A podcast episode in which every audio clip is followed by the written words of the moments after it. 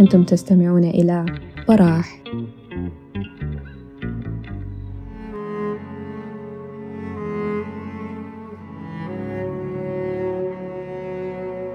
آه، في إحدى مساجد قرى السودان وقف العم سليمان قدام مزمل وماسك في يده آه، ورقة بيضاء مرشوش فيها شوية حبر وقال له رشة الحبر خلت الأبيض أبيض أكتر. أنت بتطلب الرحمة والمغفرة على يد خطايا أنت ما جربت خطيئة. جرب. احتمال تقدر تفهم الفرق بين البياض وبين الحبر. آه المشهد السابق كان جزء من فيلم آه ستموت في العشرين. الفيلم حاصل على جائزة أسد المستقبل في مهرجان فينيسيا السينمائي الدولي وتعرض بعدها في أكثر من مية مهرجان عالمي. وبرضك حصل على عشرين جائزة عالمية مختلفة.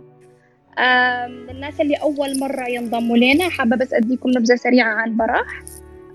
براح هي منصة إلكترونية شبابية رائدة لإثراء المحتوى الإلكتروني السوداني. يعنى نحن نعنى بنشر محتوى في مواضيع مختلفة. والسبيس الليلة أو جلسة الليلة هي جزء من من حلقات براح سينما. حنكون معاكم في التقديم الليلة. أنا تسنيم ومعاي حسن. أهلا يا حسن. أهلين يا تسنيم.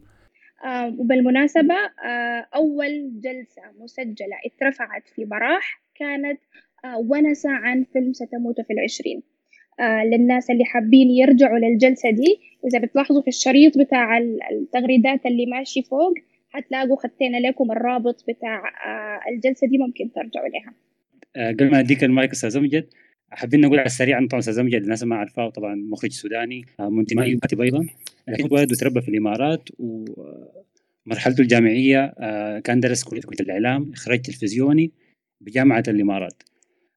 فمن من الدراسة بتاعته لحد الليلة أستاذ امجد كمخرج سينمائي معروف بالذات بعد فيلم ستموت في العشرين طبعا مر بمسيرة طويلة شديد. إحنا في حاجات كثيره الليلة مجهزين الاستاذ امجد عشان نتكلم معاه فيها فنقول لك أهلا وسهلا منورنا في براح أهلا وسهلا يا حسن واهلا يا تسنيم وسعيد جدا بالاستضافة دي وخصوصا ان أول مرة أعمل اللقاء بصوتي فقط. يعني عملت master classes وحاجات في أيام الزوم والكورونا بس يعني كانت في في انستغرام face to face بس يعني سعيد بالتجربة دي برضه و... فعليا دي اول مم. أول تجربة لقاء صوتي بالضبط بالضبط. و... بس أنا قبل كده سمعت الونسة بتاعتكم بتاعت ال... بتاعت أنا عموما ب... ب... بلف وبسمع حاجات كتير يعني. فسمعت الونسة الطويلة جدا كانت ساعتين أو ثلاث ساعات تقريبا في ساوند كلاود وحبيته جدا. و... وسعيد إنه الليلة يعني توفرت الفرصة الواحد يقدر يقول على تفاصيل كثيره من اللي اتذكر هناك. سعيدين الليلة معاك ونتمنى آه إنه الليلة التجربة تنال على اعجابك إن شاء الله. أستاذ أمجد كنا حابين نسألك إنه في لقاءات كثيرة اتعملت عن الفيلم. في نقاشات وحوارات كثيرة اتعملت. بس الملاحظ إنه الحاجات كلها كانت إعلام عالمي. ما حتى بس عربي لا عالمي كمان. صحيح. لكن الزول اللي بيتابع بيلاقي إنه في ندرة أو شح للمقابلات سواء التلفزيونية أو الصحفية السودانية. مم. هل الكلام ده صحيح أو بس لأنه نحن صحيح جدا. المقابلات؟ لا صحيح جدا. معاك حق تسنيم. يعني طيب الفيلم عموما ابتدى بدايته أول عرض له عرض عالمي في مهرجان فينيسيا وبعد كده في مهرجان تورنتو في كندا ودول الاثنين مهرجانات كبيرة جدا يعني من أهم المهرجانات في العالم. آه وبطبيعة الحال بعد ما أخذ جائزة أسد المستقبل اللي تعتبر من أهم الجوائز السينمائية في العالم وتعتبر أغلى جائزة سينمائية في العالم حتى ماديا هي الجائزة الأغلى في العالم يعني. آه حتى أغلى من الأوسكار يعني. فأعتقد ده أداه صدى عالمي معين. فده أداه حاجة عالمية معينة. عادة لما فيلم من أي دولة ما ياخذ جائزه عالمية الاهتمام الأكبر بيكون من البلد نفسها من صحافة البلد نفسها. الصحافة السودانية أعتقد اهتمت بس اهتمت داخليا بخبر هنا وكده. لكن برضه في الآخر أنا متفهم ما ما ما في ما كان في حراك سينمائي في 30 سنة فاتت. وبالتالي الصحفيين في السودان والإعلاميين عموما ما تعاملوا إنه بت... ما تعودوا يتعاملوا مع كيف نتعامل مع فيلم بتاعنا نجح برا. آه بدوا يهتموا بتين لما تسربت شوية مشاهد. وبدت تجيني وكنت أنا بالصدفة في السودان قاعد شهر بدات تجيني عروض لطلوع في برامج كثيره مهمة عشان الكلام على مشاهد مسربة وأنا بالنسبة لي لا ما حأعمل كده عشان أنتم ما شفتوا الفيلم فما حاجي اقعد لقاء ساعة كاملة تسألوني عن ثلاثة دقائق من فيلم مدته 103 دقيقة يعني ساعة و40 أو أكثر فما حاجي أتكلم على أقل من نص في المية من مدة الفيلم. فهمت كيف؟ ففي جزء من من الطرف الآخر وفي جزء من علي عدم وجودي في السودان خلى أكيد الموضوع أه وحتى عن بعد في صحفيين كانوا بيرسلوا لي أسئلة بعايل الأسئلة ما لها علاقة بالفيلم نفسه بالكذا يعني مركزين في السبق الصحفي أو مركزين في حتة كده صفراء شوية يعني. آه زي السؤال مثلا جاني من بعد ما كنت وافقت على اللقاء جاني سؤال بتاع هل علاقتك بخمور زيادة سبب لاختيارك للفيلم ما فهمت يعني ما فهمت وين الاتهام؟ أنت متهم بأن علاقتك بخمور زيادة. ما فهمت وين عارفه في صياغات كده أحيانا الواحد ما بيخش فيها فبقوم شنو؟ طوالي بقول لأ تمام خلاص. يعني لما يجي لقاء ذكي حقوم أجاوب. بس طلعت مرة بعد جائزه الجونة طوالي طلعت في في حلقة خاصة في النيل الأزرق مع تسنيم رابح. وكنت مستمتع جدا باللقاء. تقريبا ده اللقاء الوحيد اللي عملته في السودان. فأنت حاسس إنه بشكل عام الإعلام السوداني ما أدى دوره كفاية في إنه هو يدعم الحاجة اللي كل الناس كانت مبسوطة بها؟ بالتأكيد بالتأكيد لدرجة إنه كنا بنحضر في قناة ما قناة كبيرة سودانية للقاء لكل الفريق العمل وكده. بعد ما تسربت مشاهد الفيلم هم لغوا اللقاء خوفا. يعني في حيث إنه كان الإعلام البر العربي تحديدا مستغربين ليه الضجة دي حاصلة أصلا؟ وين المشاهد اللي بتتكلموا عنها دي ما شفنا الفيلم ما حسينا بحاجة يعني آه ونفس الشيء السودانيين البرة اللي حضروا الفيلم بشكل تلقائي كامل ما جاهم مشاهد شاهد قبل الحذف يعني. فأعتقد إنه الإعلام السوداني في جزء كده كان منه يعني آه مع إنه متفاعل جدا. يعني لما ألاقيهم بشكل شخصي ولكن في الحذر المجتمعي ده بغض النظر عن الفيلم ده قاعد يمثل في السودان في في دول العالم كلها بياخذ جائزة الجمهور ممكن في دول آه يعني مختلفة مكسيك وبتاع ف فيعني فدي أكيد كانت حاجة جارحه شوية يعني في الآخر يعني جرحتنا عموما كصناع للفيلم يعني. أتمنى إنه جلسة الليلة تكون يعني فاتحة خير. إنه الإعلام الإعلام السوداني شوية يعطي الفيلم حقه ويعطي المخرج حقه كمان. أكيد. طيب الملاحظ إنه أنت أعمالك السابقة قبل ستموت في العشرين كلها م. كانت أعمال قصيرة. سواء صحيح. كان مثلا مثال الفيلم الإماراتي تينا أو الفيلم السوداني استوديو أو الأفلام الثانية بتاعتك اللي صحيح. كانت أقدم والفيلم ده كان أول عمل روائي طويل لك يطلع صحيح للعالمية النقلة من الحاجات القصيرة للحاجات الطويلة مم. النقلة دي كانت مخططة لها من قبل مثلا إنه أنت عايز تنتقل للحاجة دي وكيف كانت النقلة دي بالنسبة لك؟ يعني ده عموما شيء بيمر به اغلب السينمائيين حول العالم إنه بيعملوا short films بعدين بيعملوا آه الفيلم الروائي الطويل اللي بيحلموا به. آه الأسباب في ده مختلفة إنه ال short films ده حاجة أنا ممكن أقدر أعملها. طبعا بحب ال short films جدا بالمناسبة وحاليا ممكن أكون بحضر ل short film بعد نجاح ستموت في العشرين. يعني أنا ما بنظر له كسلم أصل به آه وبوجه كلامي لأي filmmaker شاب بيسمعنا حاليا يعني. أنا عمري ما بنظر للسينما القصيرة ك كعتبة. توصلني للفيلم الطويل. هي هو category قائم بذاته محترم وأنا بحبه جدا. وبالتالي أنا ابتديت أول short film بالنسبة لي حاليا عمري 38 سنة. ابتديت أول short film لي كان عمري 19 كان اسمه في نهاية الخريف بعد كده عملت طبعا مرحلة الجامعة في أولى جامعة يعني.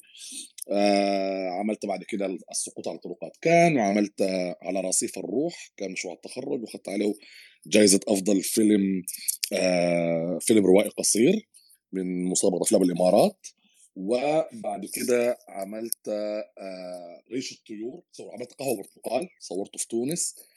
كان معي شوف رغم إنه كان برضه أفلام يعني ما كان فيها ميزانية ولا أي حاجة بس قدرت أعمله مع نجوم وكلهم خليتهم يمثلوا معي for free فأعتقد ده كان كان تدريب لي في كيف أبقى producer وبالاحرى كيف تبقى حناك. ما أنت producer معناها تبقى حناك بشكل أو بآخر.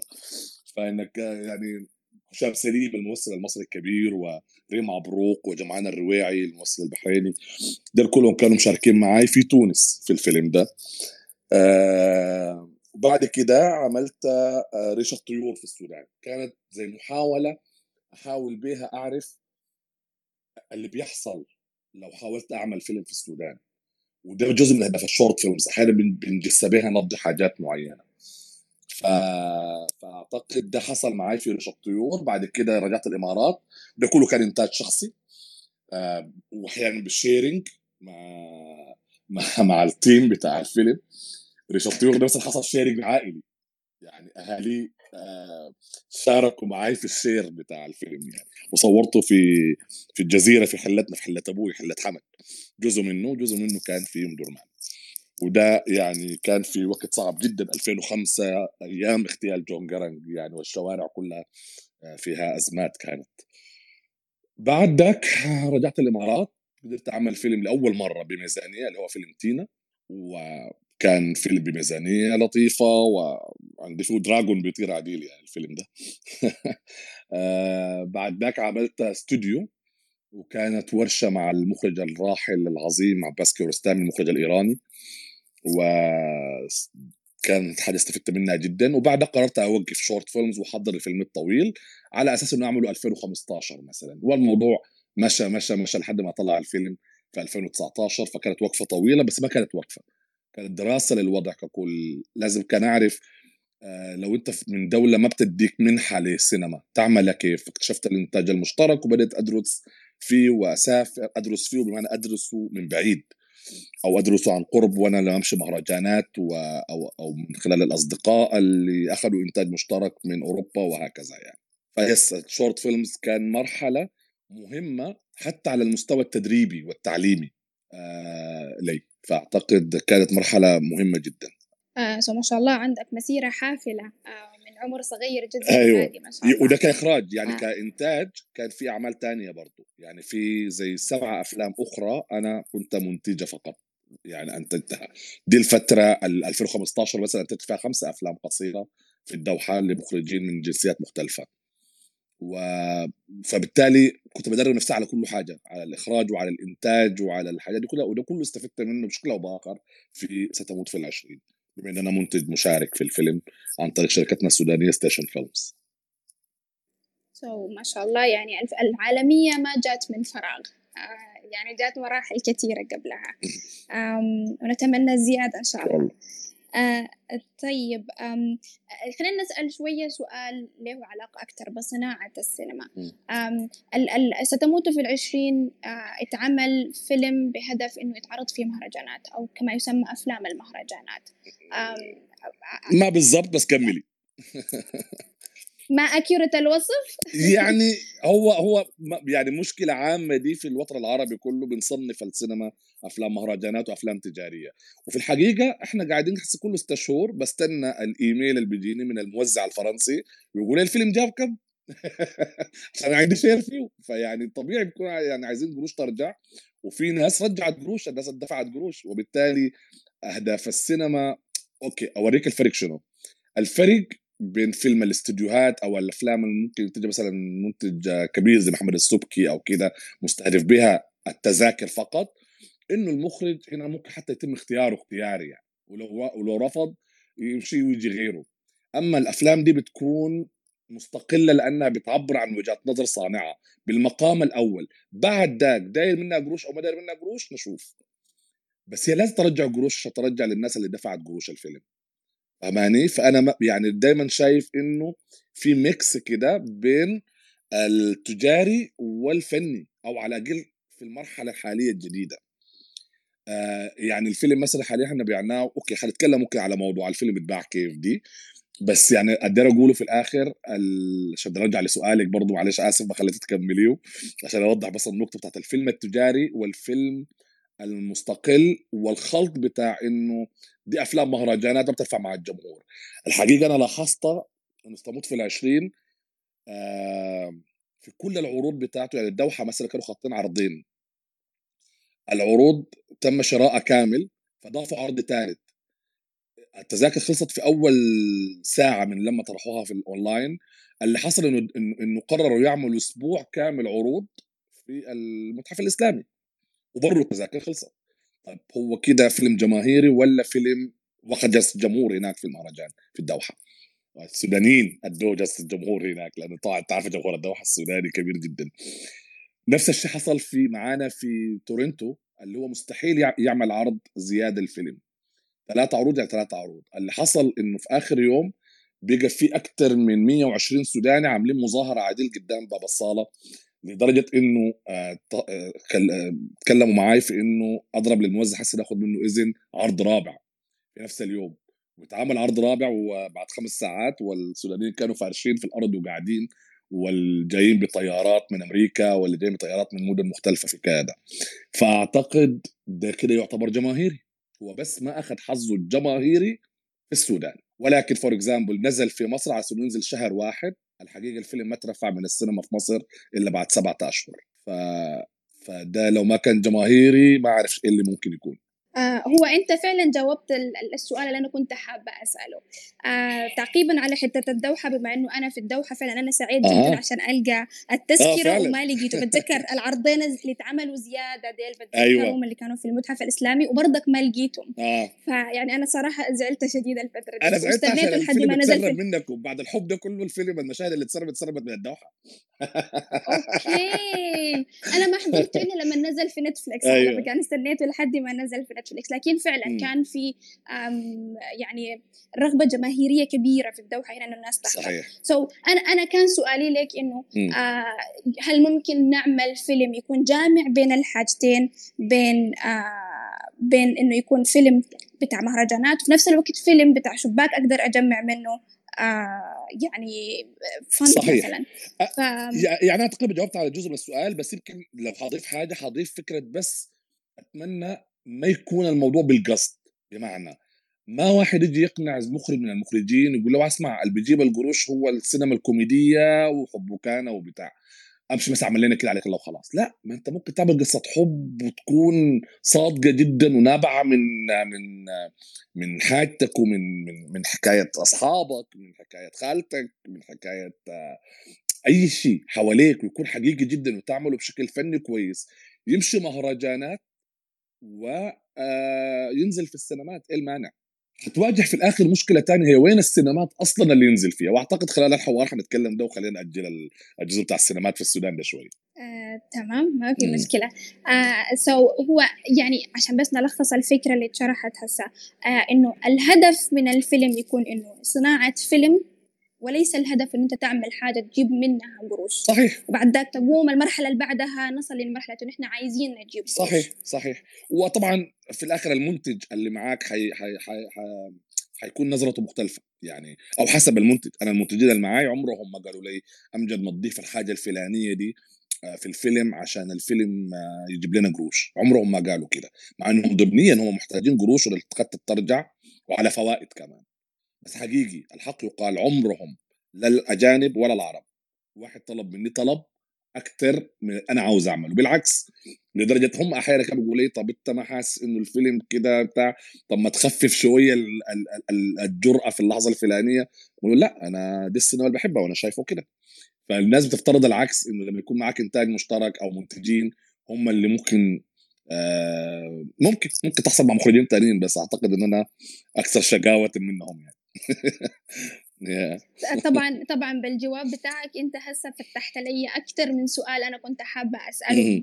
آه بعدين بس ما في مشكلة أنا لا، لا، لا، بإسهاب بعد النقاط دي. تسنيم خليني أقول لك أنا عموما نظام فشنو فوقفيني لو لقيتني بحرق لك في أسئلة قدام. أنا عموما نظام لا لا لا برج العقرب نظامين.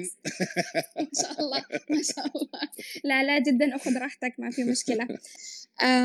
طيب نحن حابين نتكلم بإسهاب بتفصيل كثير جدا عن تجربة صناعة الفيلم. تجربة ستموت في العشرين أكيد أم ف أم، حأسألك أنا أسئلة كثير تفصيلية لاحقا بس في البداية. حابة أسمع منك القصة بما إنه أنت ما شاء الله زول بتحب تحكي قصص تحكي لنا القصة بتاعت أيوه الفيلم من البداية حصل كيف التفاصيل حصلت كيف 200 قررت أنا عايزة حصلت فيلم؟ روائي طويل أيوة مم. أنا بتاع قررت عاوز أبدأ فيلم روائي طويل قبل 20 سنة من لما عملت أول فيلم قصير يعني ده الهدف. كان من أول ما بديت من أول ما بديت أنا. أصلا أنا أصلا من أنا من أنا صغير وعمري 12 13 سنة لفت نظري جدا السينما المختلفة يعني أنا بتذكر في قصة دايما بحكيها إنه كنا أنا وأمي وخالاتي وكده أنا تربيت في البيت الكبير ده وبيلفوا كده في التلفزيون ده يتفرجوا على فيلم فكل ما يجي فيلم يقول لا غيروه جيبوا فيلم تاني جاء فيلم بتاع يوسف شاهين حدوته مصرية. ما مكتوب عليه وكده بس هم مشهد في النص. كلهم قالوا آه ده يوسف شاهين المجنون غيره. أنا بالنسبة لي كيف عرفتوا اسم المخرج؟ ليه ما قلتوا فيلم يسرى أو نور الشريف؟ ليه قلتوا يوسف شاهين؟ ومن الوقت ده كده بديت أحس إنه اللي استفز خ... اللي استفز الناس دي أنا عاوزه. وصيت أخوي آه، كنت أنا في بدري. وصيت ولد خالتي آه، كان بيقرأ في الجامعة في في في الخرطوم إنه يجيب لي كل أفلام المخرج المجنون ال- اللي استفز ناس البيت ده. وفعلا ومن هناك بديت أحب السينما. أكيد من وقتها يمكن أنا عاوز أعمل الفيلم الطويل الأول. وكنت واعي جدا إنه ما بالسهولة دي. فبديت أشتغل على نفسي من قراءه روايات لمشاهدة سينما مختلفة سينما روسية سينما إسبانية إيطالية وهكذا. دخلت الجامعة أو بالأحرى كنت عاوز أمشي الجامعة في فرنسا أهلي ما وافقوا. آه كنت عايز ادرس في La Fémis في فرنسا تحديدا وما وافقوا. طب, طب يا جماعة معهد السينما برضو لا. ما وافقوا فكرة إنه البعد يعني مش ما عندهم مشكلة مع اني اقرا السينما بس أكيد في الحتة ال- السودانية العاديه دي بتاع الدكتور مهندس يعني. فلما لقيته مصر على موضوع دكتور مهندس قصدا قصدا قصدا دخلت امتحان الثانوية العامة ورفضت أحل أغلب الأسئلة كنت شاطر جدا. رفضت أحل أغلب الأسئلة عشان أجيب درجة كعبة بقدر الإمكان وفعلا جبت كم 60% كانوا زعلانين وأنا كنت مبسوط. آه فاستمرت المعركة في انه طب okay ما حتخش إعلام حندخلك شريعة وقانون جامعه الإمارات. قلت لهم okay. أول ما دخلوا لي شريعة وقانون سالت دخلت ب- ب- آه، بكليه الإعلام قلت لهم الواحد بيحول من الكلية دي كيف؟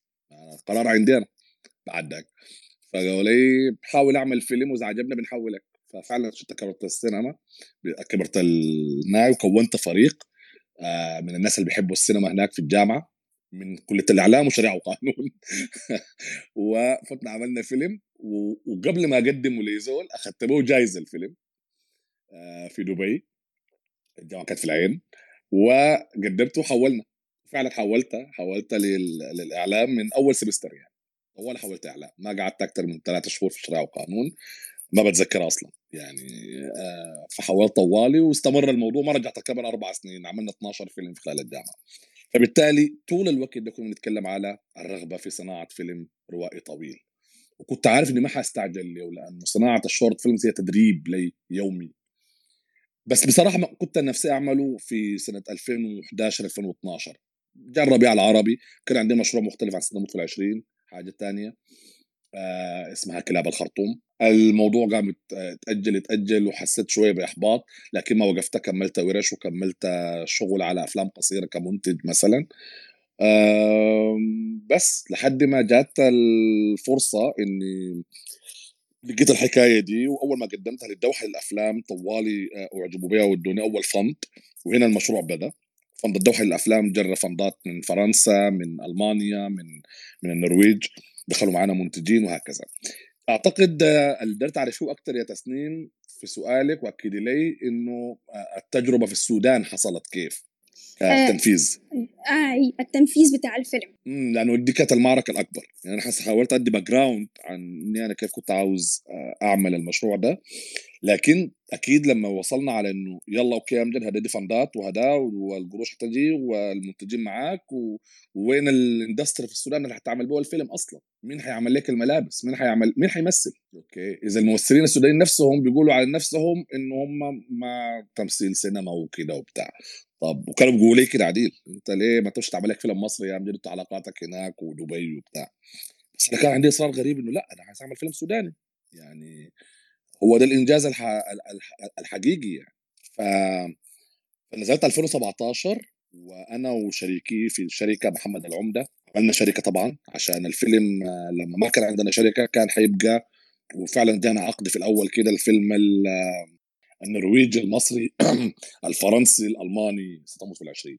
كيف قلنا لهم؟ كيف كده وبتاع؟ قلت ما عندكم شركة. فتنا طوالي اسسنا شركة. عمدة والدته محامية الكبيرة انتصار الحويج. اسسنا شركة. وبعتنا لهم طيب أهي الشركة.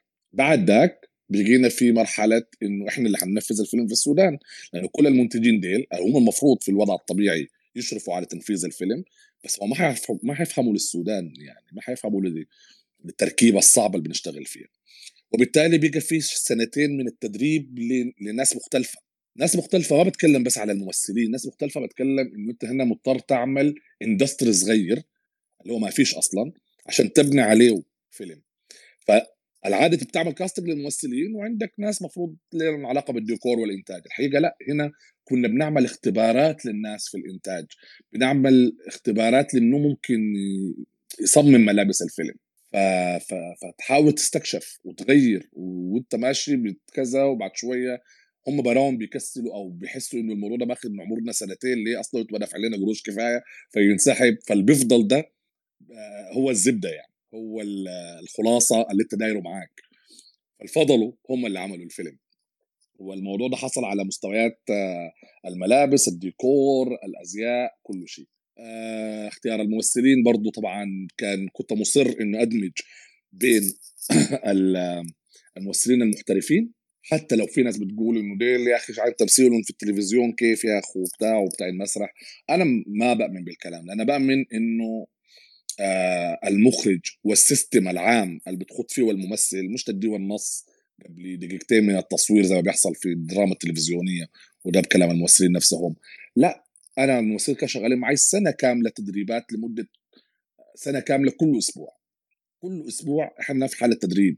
لو ما جينا تدربنا face to face في تلفونات نقاش وونس عن الشخصيات. يعني أعتقد وال... والبروفات دي كانت بتكون بوجود بتاعين الديكور وبتاعين كذا. لأنه ديل برضه خليتهم جزء من النص يعني ما النص ده الفيلم ده أو بالأحرى ما جزء من النص جزء من من الحلم نفسه. إنه الحلم ده بيجي حلمنا كلنا. ما حاولت أخليه حلم امجد وانتوا جايين تنفذوا معه. لأنه فعليا الفيلم ده لو نجح أكيد المخرج بياخد صيت أعلى. ولكن أنتوا في الآخر أنتوا اللي عملتوا الأزياء دي وأنتوا اللي عملتوا الديكور ده وأنتوا اللي عملتوا الأداءات دي. ف... ف...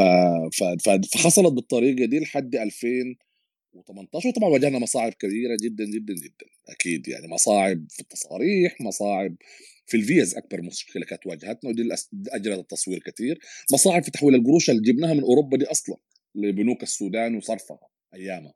آه فيعني أكيد كان في إشكاليات كثيره آخرها كان إنه تصوير الفيلم بالصدفة كان 17 أول يوم تصوير من شهر كامل تصوير كان يوم 17 ديسمبر.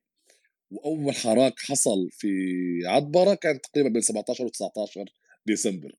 أنت متخيلة جايبة أجانب وفرنسيين وبتاع وبتصوري فيلم آه، شهر كامل أثناء ما الناس البلد فيها مظاهرات. في قروش لسه ما ترسلت وخايفين نرسلوها وإحنا already في ال location ما في حال غير انها تترسل لأنه في فنادق وفي أكل وفي كذا. لا يعني بشكر ناس الإنتاج اللي خلوني أركز في في في الإخراج. وما انتبه لكميه المشاكل الضخمه كانت حوالي وأنا بحاول قصدي إني ما بركز فيها لأنه خلاص اشتغلت منتج لمدة سنتين حاليا لازم أكون المخرج. والجزء اللي له علاقة بالمصريين بصعوبة بعد ثلاث شهور من التعب حليناه وده أجل الفيلم تصويره شهرين على فكرة وخسرت مدير تصوير شغال معي كان قبلها تحضيرات 8 شهور ومدير تصوير عالمي سفيان الفاني آه، تونسي فرنسي اللي عمل الفيلم تومبوكتو وعمل آه، الأزرق أدفأ الألوان Blue is the Warmest Color كان حتى نزل معايا السودان قبل قبلها بثمانية شهور وجاء وعينا اللوكيشنات. قبل التصوير بشهر أنا خسرته بسبب إنه تصويرنا تاخر شهرين ودخلنا على مواعيد تانية عنده. ولقيت روحي قبل أسبوعين من التصوير بقابل مجموعة مصورين بال... بال... بالسكايب عشان نتعرف على بعض ونشوف مين اللي حينفع. ما مدير تص... مدراء تصوير يعني. مين اللي حينفع معاي وانفع معاه لأنه العلاقة بين مدير التصوير والمخرج عاملة زي علاقة العريس والعروسة الجداد. يعني يعني علاقة شائكة جدا وعلاقة عرس لأنه المشروع ده بيحصل بيننا الاثنين ما بيحصل بين شخص واحد. فإنه أقابل الناس من غير ما يكونوا شايفين اللوكيشنات على الأرض. دي كانت مشكلة بس أنا قررت أخليها تشتغل أنا ما عندي حل غيرها. التصوير أخيرا اتحدد وأنا يا داب قاعد أقابل مدير تصوير بديل. فتعرفت على سبستيان آه، أنا بعرف زوجته هي المخرجة التونسية ليلى بوزيد بنت المخرج الكبير نوري بوزيد. فهو كنت شايف له فيلم يعني اخراج إخراج زوجته وتصويره. يعني فكنت حاسس إنه okay هو على علاقة على الأقل بال Middle East. ممكن استوعب شوية التركيبة هنا. فسبستيان كان خيار. وجا قبل التصوير بثلاثة يوم ودي حاجة مستحيلة عادة مدير التصوير بيحضر معاك قبلها بشهور يعني. فبس أنا حاولت خلاص قلت خلاص أوكي حاشتغل على إنه عينه جديدة على المكان. واستغل انبهاره بكل تفاصيل القرية السودانية في كل شيء أنا عاوزه. فلعبت اللعبة بالعكس بس كان لازم ألعب لعبة آه، بديلة. واعتقد اللعبة اللي لعبتها مع سبستيان في في في في تصوير الفيلم. انه إنه حتى لما في الثلاثه يوم قبل التصوير المفروض اوريه كل اللوكيشنات أنا كنت خبيث شوية كبرج عقرب عاد آه، كبرج عقرب يعني. فكنت بوريه وريته بالضبط 60% من اللوكيشنات. وخليت 40% اللي أنا عاوزه يتفاجئ وإحنا بنصور بجمال النيل هنا مثلا أو أو بالمسجد الفلاني أو بالحاجة الفلانية عشان عشان برضه اخذ ال freshness بتاع عينه. وده أعتقد اللي حصل بينه وبين سبستيان وفريقه يعني هو هو وال team الفرنسي اللي معاه اللي هو هو ال leader بتاعهم يعني. آه. يعني أنا أنا منبهرة صراحة مبهورة جدا بالقصة اللي بسمع فيها. إنه واضح إنه في كل خطوة كنت بتمشيها كان في عقبة قاعدة تواجهك. بس أنت يا أستاذ أمجد أنت ذكرت في طبعا سؤال تسنيم كان لك العقبات والرحلة. فأنت طبعا في البداية قلت الجوانب السلبية في التأخير والحاجات دي والفيلم ده كان هو أساسا فكرة في راسك من زمان وحصلت بعد مدة. آه لكن قلت الجانب الإيجابي اللي هو انه السودان في النهاية زي ما أنت بتقول دائما هي بلد الحكايات التي لم تروى بعد فالانبهار ما زال موجود. لكن ممكن يكون في جانب إيجابي برضه من التأخير اللي حصل لك إنه الخير كل تأخيرة فيها خير إنه ال casting أو أو الممثلين يتشربوا القصة بشكل ممتاز ووقت كافي فكانوا جاهزين 100% رغم التأخير اللي حصل يعني ممكن تكون دي حاجة كويسة حاجة إيجابية؟ معك حق يا حسن. دي من الحاجات الإيجابية جدا لدرجة إنه إحنا مثلا لو كنا دخلنا تصوير كنت أنا already إحنا already كنا شغالين سنة بصراحة والتاخير حصل في شهرين فكانوا برضه حيكونوا مدربين enough لأنه 8 شهور. بس عارف آه في الشهرين التأخير أنا عملت إيه؟ آه قلت okay أنا اتدربوا معي كفاية وهم خلاص بس ناقصهم حاجة. لسه عندهم الرهبه بتاعت إنه إحنا داخلين فيلم كبير وكلنا كنا فاهمين ده. ما واضح من شكل الإنتاج اللي قاعد يجينا بتاع يمكن الموضوع ما كان معروف للناس البرة بس إحنا جوانا كده كنا فاهمين إن إحنا داخلين على تجربة ضخمة يعني. آه فقلت لا okay أنا كده محتاج أديهم آخر push فقمت آه في الشهرين التأخير ديل بدل ما إحنا قاعدين ساي كملنا طبعا آه بروفات. وهنا قمت اتفقت مع الممثلة المصرية الكبيرة سلوى محمد علي. لأنه عندها background في المسرح والسينما والتلفزيون. والممثلين عندي إما ممثلين جدد تماما زي مصطفى شحاتة وبنا خالد ما مثلوا قبل كده أو ممثلين خبرتهم هي مسرح وتلفزيون زي محمود السراج واسلام مبارك ورابحه محمود. فاللي حصل إن أنا اخترت سلوى آه لأنه سلوى عندها كل ال background فقلت لسلوى أنا عايزك تجي بس 2 weeks في السودان. عشان تديهم الإحساس بتاع الممثلة قبل المدربه بتاع التمثيل. لأن هم مدربين. ما محتاجين تدريب حاليا قدر ما محتاجين تكنيك الممثل المتعود على خشبة المسرح لما يمشي يقيف قدام كاميرا سينما حتقطع له الجملة نفسها على ثلاثة مرات من ثلاثة زوايا. وممكن تكون فيها ثلاث أيام مختلفة أصلا. و...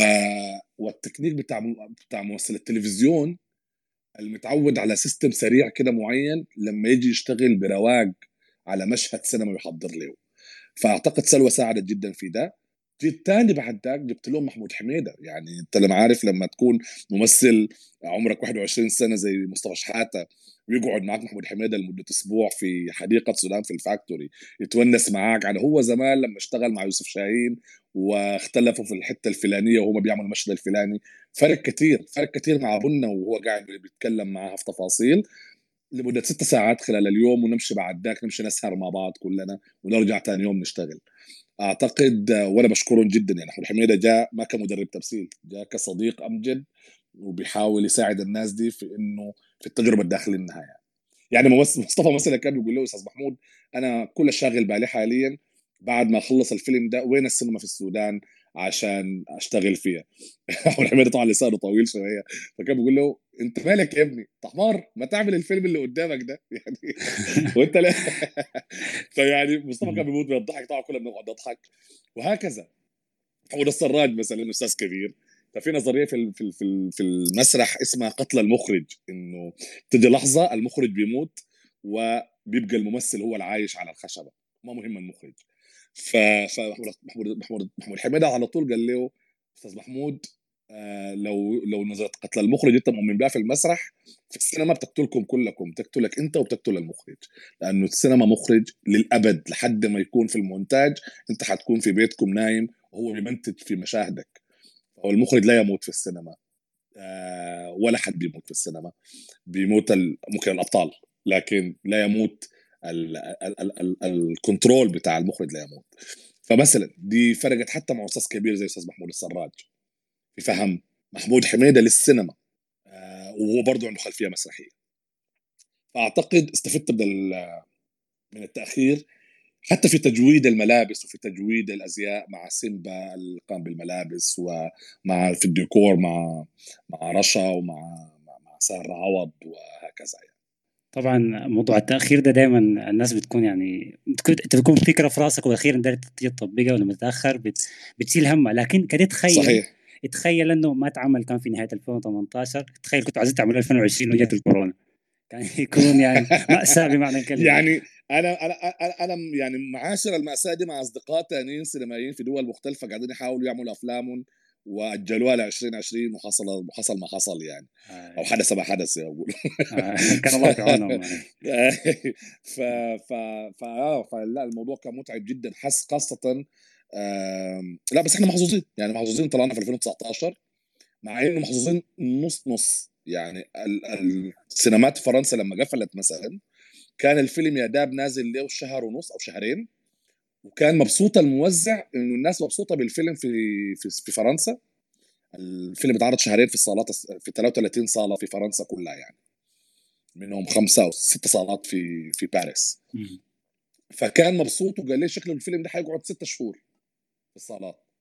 في الحقيقة جت إحنا من الأفلام اللي حيذكر التاريخ إنها توقفت في الكورونا بسبب منع التجمعات. آه. يعني فكان قبل كان قبل نزل قبلي على فكرة ودي كانت حاجة رائعة جدا. فيلم صهيب قسم الباري الفيلم السوداني الحديث على أشجار آه. نزل في نفس الصالة. فصدف في يوم واحد كده كان فيلم يعني ستموت في العشرين وفيلم صهيب الاثنين بيعرضوا تجاريا فيلمين سودانيين بيعرضوا تجاريا في صالات السينما الفرنسية. طيب نرجع للسؤال اللي وقفنا فيه اللي هو عام 2019 زي ما قلنا كانت سنة جميلة على السينما السودانية.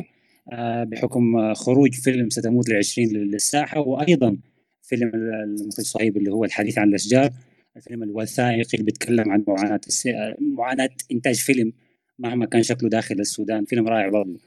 والفيلمين ديل أتاحوا فرصة بعدك لأفلام آه تانية برضه خرجت للساحة ممتاز شيء زي فيلم الست وفيلم حفن التمر صحيح. والأفلام السودانية كمان يعني بترجع يعني. ف ده كله حصل مصادفة زي ما أنت قلت قبيل مع يعني تزامن مع الثورة السودانية المجيدة يعني حصلت في نهاية 2018 واستمرت لحد 2019 آه دي حاجة ممكن ممكن نوعا ما تذكرنا بال بال بالسينما الإيرانية والحصل زمان فيها آه تزامنها مع الثورة وكده وكيف دي كانت برضو يعني بداية لهم. وأنت قبل ذكرت اسم المخرج الإيراني عباس كرستاني ترجع له كثير. عباس كرستاني بالضبط. فهل في نوع من الرمزية خاصة لك في في في الحصل في التزامن الزمني والمصادفة دي؟ اللي كنت أستاذ أمجد؟ خروج الفيلم وتوقيته والثورة والحاجات دي يعني يعني شوف إحنا صورنا الفيلم أيام الثورة ودي كانت صدفة. بس أنا دايما بقول إنه آه ما صدفة بس لأنه في الآخر إحنا في حالة ثورة من 2013 من أحداث ديسمبر 2013 إحنا كلنا أحاسيسنا كانت إنه حنعمل ثورة في يوم ما وقريب جدا وشغالين لها من 2013 بكل الطرق. كل واحد شغال بطريقته اللي شغال فنيا شغال اللي بيرسم جرافيتي بيرسم جرافيتي اللي بيقدر يشارك ب بكلمة في, في ولا ب comic حتى في في الفيسبوك ولا في ال social media كان بيعمل. أعتقد صهيب ومروة مثلا كانوا مروة زين على فكرة فيلمها كان مع صهيب في مهرجان برلين شهر اثنين أثناء الثورة. ودي كانت حاجة ملهمة لي جدا لأن أنا كنت في المونتاج آه بمنتج في القاهرة. أنا يعني وقت الثورة بدايات الثورة شهر يناير أنا خلصت تصوير الفيلم 17 يناير ارتحت في الخرطوم 10 يوم. آه كنت تعبان جدا ما طلعت حتى المظاهرات اللي كانت جنب البيت. يعني ما كنت طالع من معركه أساسا ما قادر ليه معركه وجري. بقول له يا أصحابي الفريق كله فات نزل. هنا معانا ديكستر أنا شايف ديكستر قاعد بيسمع. ديكستر من الناس اللي اعتقلوه قصوا له شعره شكله قام تاني. آه ديكستر كان معانا في الإنتاج. آه ديكستر بحييك. من الناس اللي قصوا له شعره في العشر يوم اللي بتكلم عنها دي. بس بعد ذاك كنت في القاهرة قعدت شهرين مونتاج وبتابع من بعيد كل اللي بيحصل. و... وكان المفروض أكمل مونتاج لكن جات الدعوات 6 ابريل أنا هنا قلت لا. أنا بس دي أكثر مرحلة ما بقدر أقول لا فيلمي وأنا بس داير أخلص الفيلم وما أرجع أشارك حتى لو أرجع أسبوع. فرجعت يوم 3 أبريل و6 أبريل يعني مع الناس اللي دخلت آه، وكانت جزء كبير من فريق الفيلم. حتى اذا دخلت بعدهم بساعتين جبت لهم موية معاي وراكب في موتر مع واحد لقيته في الشارع وقفته واشترينا موية ودخلنا. حلوة التفاصيل دي. حلوة التفاصيل دي آه ما قلت لكم أنتم مصطلحين حكائين يا جماعة أنتوا السنة بتاع التفاصيل. كانوا مستعجلين يكلمونا. لا لا بالعكس أنا يعني عشان برضه إنسان فيجوال بحب التفاصيل المصوره أيوة. كده بتخيل في منظرك أنت في الموتر أيوه. وأنا في حياتي كنت موتر أنا بخاف من الموتر جدا. لكن ما كان عندي طريق أخش إلا بالموتر ده بتاع الشخص ده. الشخص ده تعرفت عليه يومه ولحد حسي إحنا متواصلين في الواتساب الشاب ده يعني. وما قدر يخش كان خايف في الأول بس أنا حنسته يعني. فالمهم المفروض أقعد أسبوع وأرجع لدرجة إنه المنت... واحد من المنتجين الفيلم حدد مين زعل وعمل لي block لأنه إحنا كنا مفروض ماشيين مهرجان كان وكان كان عاجبنا ال draft المبدئي اللي رسلته اليوم بس أنا ما قدرت وأنا كنت pleased علشان نمشي مهرجان كان مع إنه كان وفينس وكان وفينس وبرلين ده المستوى واحد. بس أنا في ساعتها ساعتها يعني حسب توقيت اللي خلصنا فيه وكان كان اقرب وكان كان أنسب بالنسبة لي ساعتها. بس أنا بالنسبة لي ما قدرت. بعد ما البشير طار حسيت إنه لا ما دقيقة ما أنا كنت قبل كده مشارك في الثورة المصرية. كان أكبر مشكلة لما الناس سابت الميدان ومشت. حسن أسيب وأمشي أرجع ضد مونتاج فيلمي وأنا اللي قاعد أقول للناس ما تمشوا أقعدوا آه، سقطت ما سقطت صاب بنا فصبيتها شهرين. والمنتج عمل لي block في الفيسبوك. واحد من المنتجين. ما شالوا الا لما فزت بالجائزه في فينيس. اليوم ذاك لما اخذنا الجائزه هو طلع معي على المسرح المنتج الفرنسي شال ال block نفس اليوم ذاك ف مع إنه كان مبسوط بالثورة جدا بس في الآخر برضه بشكل مهني أنا وقفت حاجة ماشية لمدة شهرين عشان ما قادر أعمل ده حاليا. وطبعا ده فرق جدا في مونتاج الفيلم نفسه لأن أنا رجعت عندي أسبوع مونتاج في القاهرة لتشطيب الفيلم بس. أنا عملت درافت سريع وكان أقصى كان كان فضل الاعتصام لسه له ثلاثة يوم. الكلام ده يعني بعد ثلاث أربع يوم فضل الاعتصام رجعت المونتاج. فكان واحد من أصحابنا توفى محمد هاشم مطر والله يرحمه. وأصحابي الباقيين في حجوج كوكا مثلا من الناس اللي اتضربت. هناك وما كنا الزول ما عارف يطمن عليه ولا عارف يطمن على الباقيين أريج زروق وتيسير. وأصحابنا كلهم اللي اتضربوا فضل الاعتصام وخالد عوض مدير التصوير. ما كنت ما كنت عارف الزول كان عارف يصل للزول فكنت في حالة نفسية سيئة جدا إني أرجع مونتاج بس ما عندي حل خلاص. فأعتقد النسخة الأخيرة اللي حاليا أنت بتشوفها دي اتمنتجت في اللحظة دي. وحتى مثلا الأغنية لما يدخل مزمل ويلاقي سليمان ما كانت الأغنية دي. آه، في ناس كنت بتسألني ليه؟ الأغنية بتاعت يا شعب اللهبك ثوريتك والفيرجن ما بتاع الثورة ما بتاع وردي بتاع الثورة. أنا كنت جاي من الميدان. آه، ودي الأغنية اللي بسمعها كل يوم الصباح. ف من القيادة. فالأغنية ما كانت هنا ما كانت دي كانت الأغنية هنا أغنية فرنسية بيدخل فجأة مزمل في عالم كانه دخل أوروبا.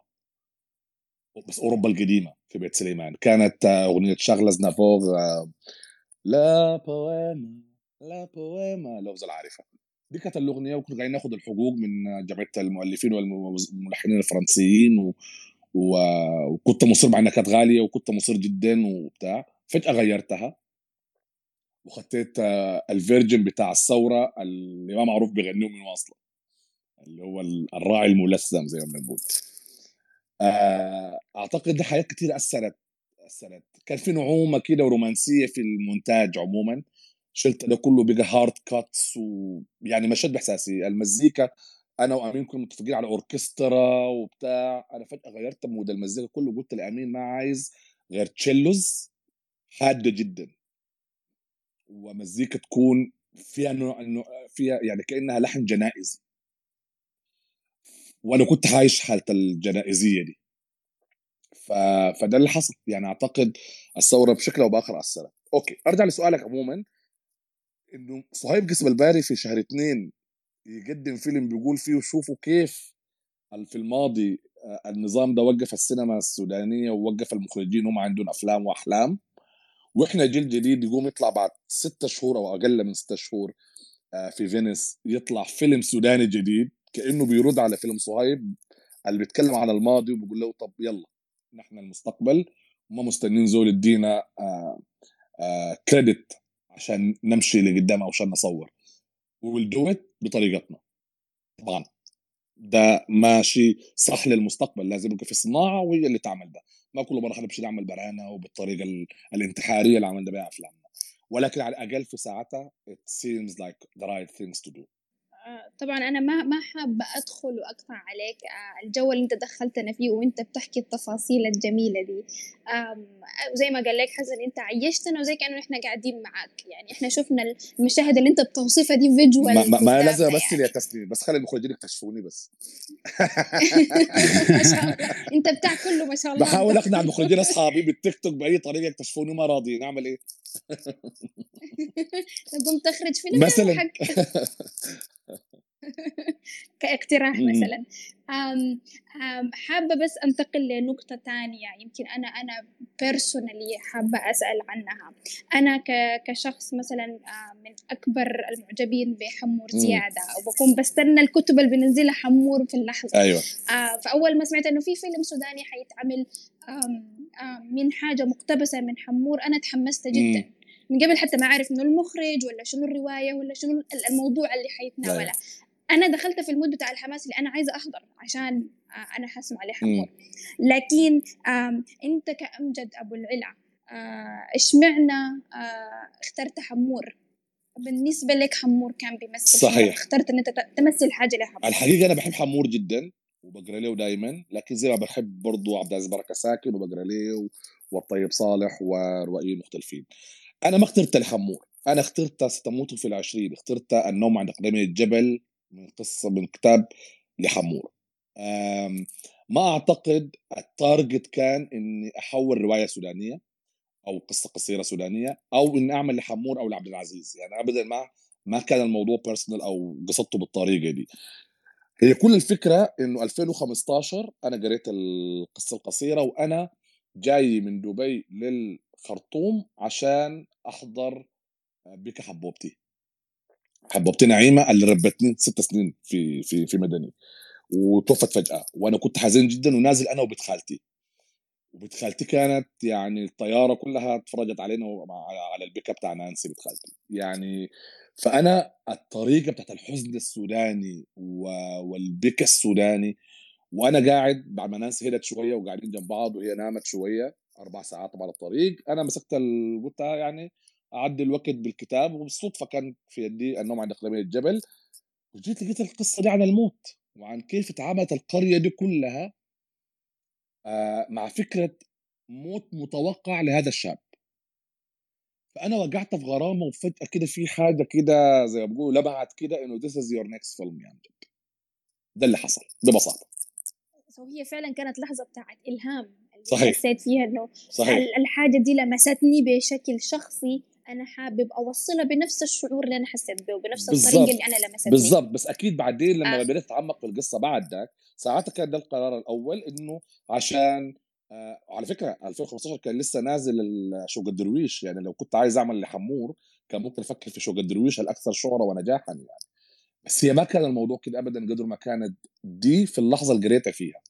بعد ذاك بديت انتبه إنه مزمل فيه كل شيء أنا عاوز أقوله للشخصية السودانية دايما مع أصحابي.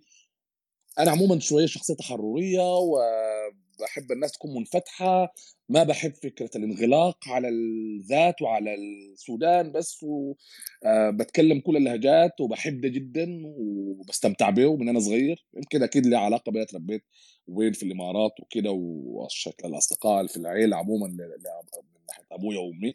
بس بغض النظر يعني ما بحب فكرة الحدود يعني. أنا فيلمي ممكن فيلمي الجاية واللي بعد الجاية اعمله موريتاني ولا أعمل فيلم سنغالي ولا أثيوبي.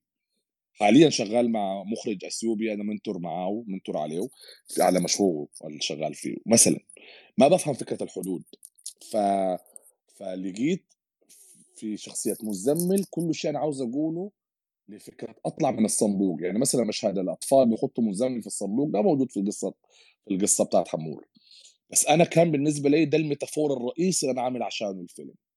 أفتحوا الصندوق ده وأطلعوا برا شوفوا الدنيا فيها شنو. اطلعوا برا ما معناه أطلع برا السودان.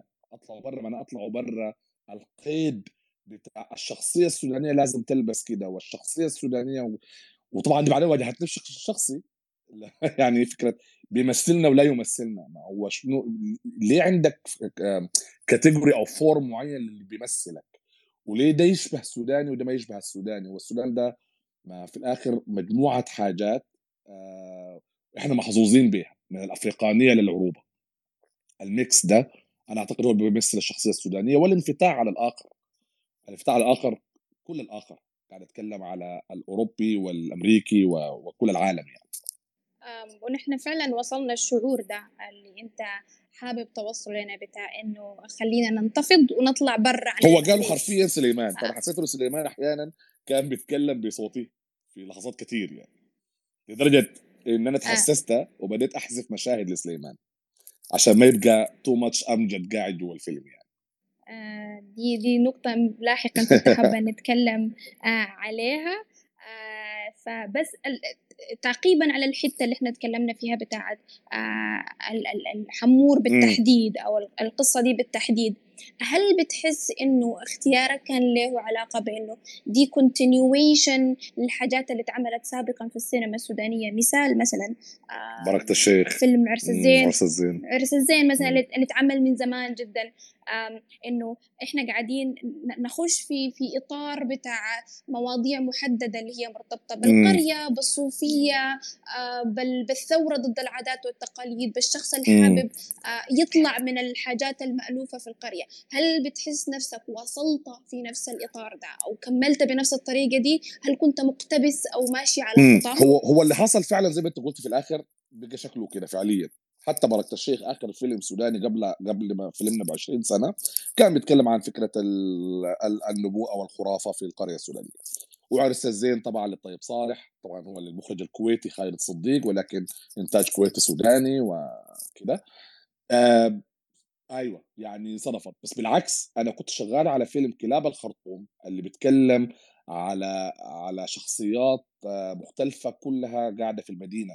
أنا ما كنت ناوي أعمل كده بسهولة. هي كل الفكرة إنه القصة شدتني وصدفت إنه القصة في القريه بس أنا لو بإيدي ما أعمل كده تاني. يعني لدرجة إنه حاليا آه، في فكرة الحاجة للطيب صالح وأنا قاعد آه، أتردد في إني اعملها عشان ما عايز أعمل القرية السودانية على الأقل حاليا. آه، عايز فيلمي الجاي يكون آه، ماخذ شكل مختلف شوية دي نقطة ممتازة ممتازة شديد يعني وأنا مم. كنت داير جاي من قبل اللي هو نمط أو نسق أو ممكن نقول ثيم السينما السودانية.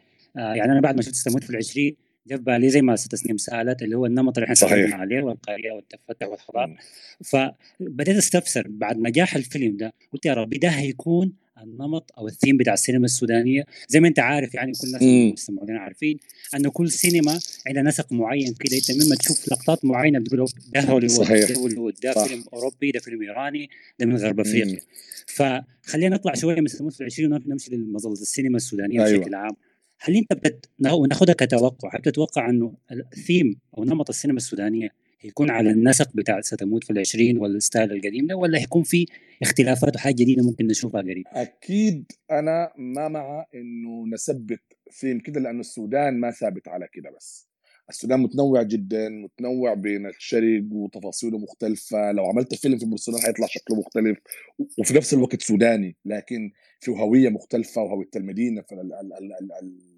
الرائعة دي. لو عملتها في كسلة وبتبالة بتاع على المستوى البصري بتاع تكون بتقدم شيء مختلف السودان نفسه بصريا متنوع بشكل يخلي يخليني على الأقل أقول أتمنى ده ما يحصل. انه الناس تقول آه أوكي ستموت في العشرين نجح يعني الأوروبيين بيحبوا كده فاحنا نقدم لهم زي ما أمجد عمل. أتمنى ما يعملوا كده لأنه أمجد نفسه ما هيعمل كده. يعني أو على الأقل قريبا يعني ما هيعمل كده بسهولة. آه هو الطيب صالح حيكون الاستثناء الوحيد الإغراء بتاع الطيب صالح ده. لكن برضه مشروع مؤجل عشان ما عايز مشروعي الجاي أكون قاعد بتحامى في نجاح ستموت في العشرين. آه، لأنه كده ما حتكون مغامرة وأنا بحب المغامرات وأنا المغامرة الجاية ان أكون بقدم شكل totally مختلف. هسه في مغامرة حاليا بس ما إخراجي. أنا منت... أنا إنتاجي آه، فيلم وداعا جوليا لمحمد كردفاني والفيلم ده آه، يعني ناويين نصوره إن شاء الله في خلال سبع شهور من الآن. الفيلم ده totally بيدور في الخرطوم آه، وفي إحياء الخرطوم وفي فيلا وفي و- وكنايس و- وكده. في نص الخرطوم وحفلات gigs حفلات مستقلة وبتاع. الفيلم ده آه، كنا في مهرجان الجونه اللي فات في كمشروع يعني وأخدنا عليه خمسة جوائز. دخلوا معانا حتى الآن أكثر من خمسة منتجين من ألمانيا ومن فرنسا ومن مصر. و... وإحنا كشركة Station Films بننتجه من السودان. والنص يعني لاقى استحسان كبير جدا محل ما بيمشي. آه، عشان كده خد خمسة جوائز في الجونة. قبل ما يتعمل أصلا.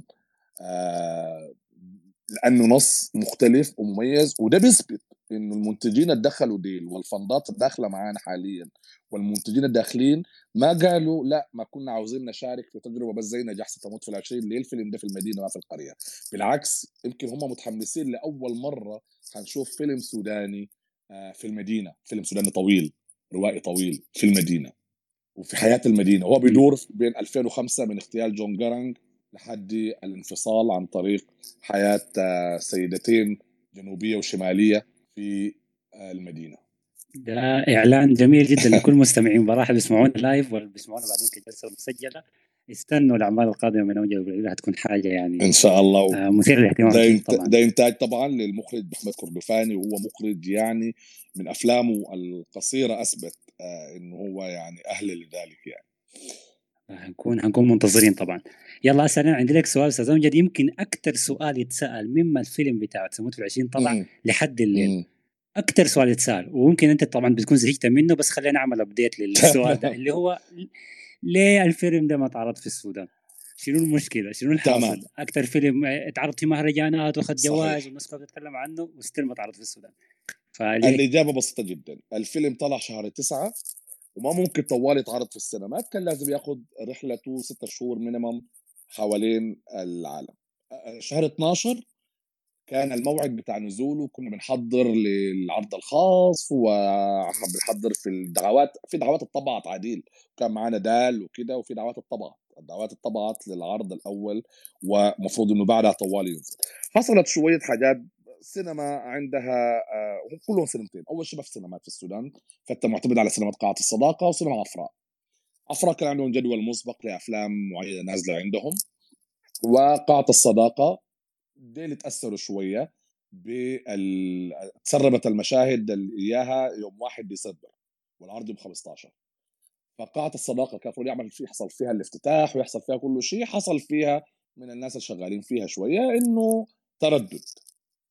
التردد بتاع السينما دي على فكرة وفي يوم 15 12 أخذنا ال- التصريح بتاع الرقابة السودانية لعرض الفيلم كامل بدون حذف ولا حتى تشويش على آه، آه، المصطلح أو مصطلحات موجودة في الفيلم.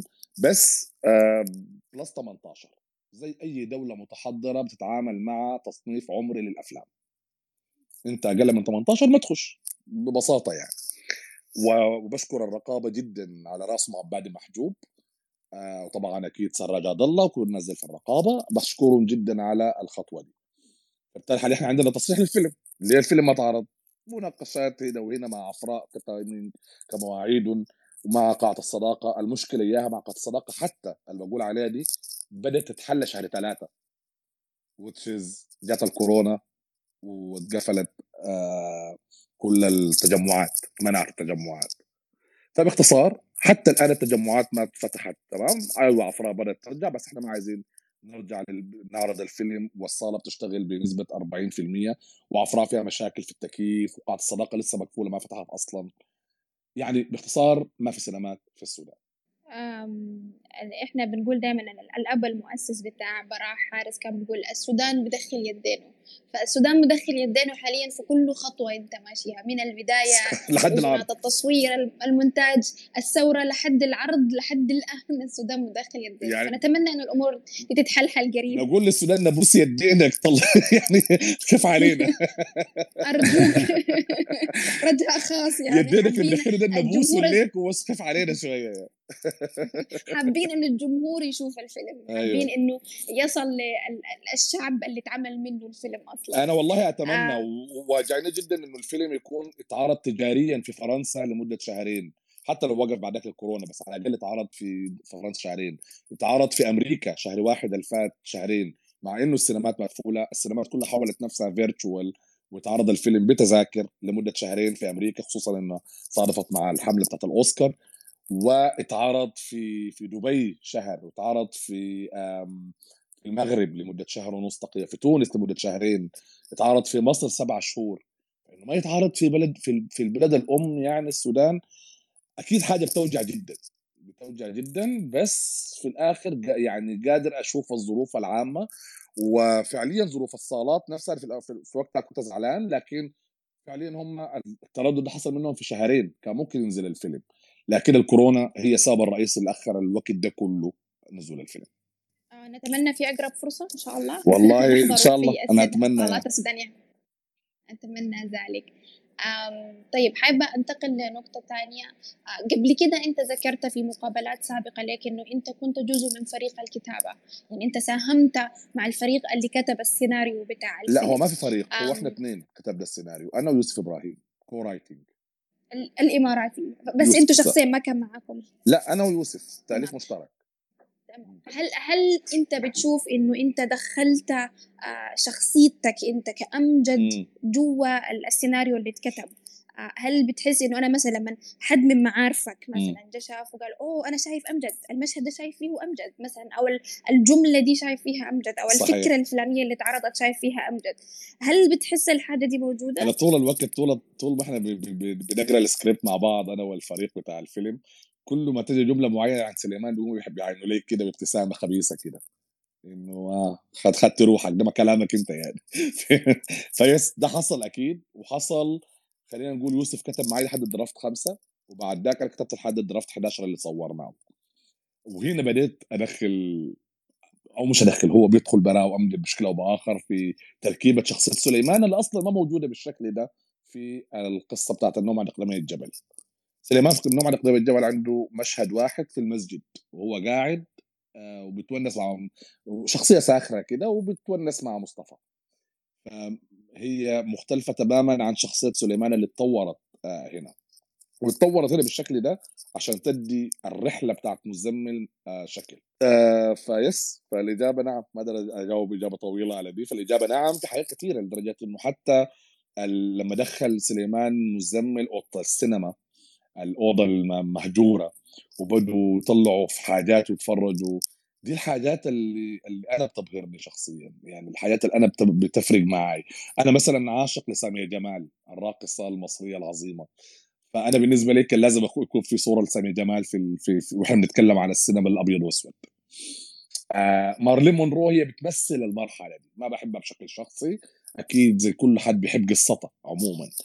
آه وهكذا. والحوار عموما الدار على السينما في في المكان ده بيشبهني.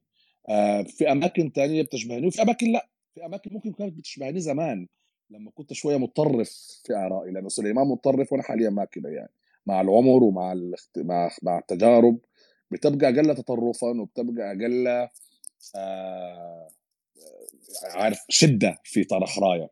سليمان حاسس انه ما خسران حاجة وحيموت بكرة فهو شديد جدا كان في طرح أفكاره.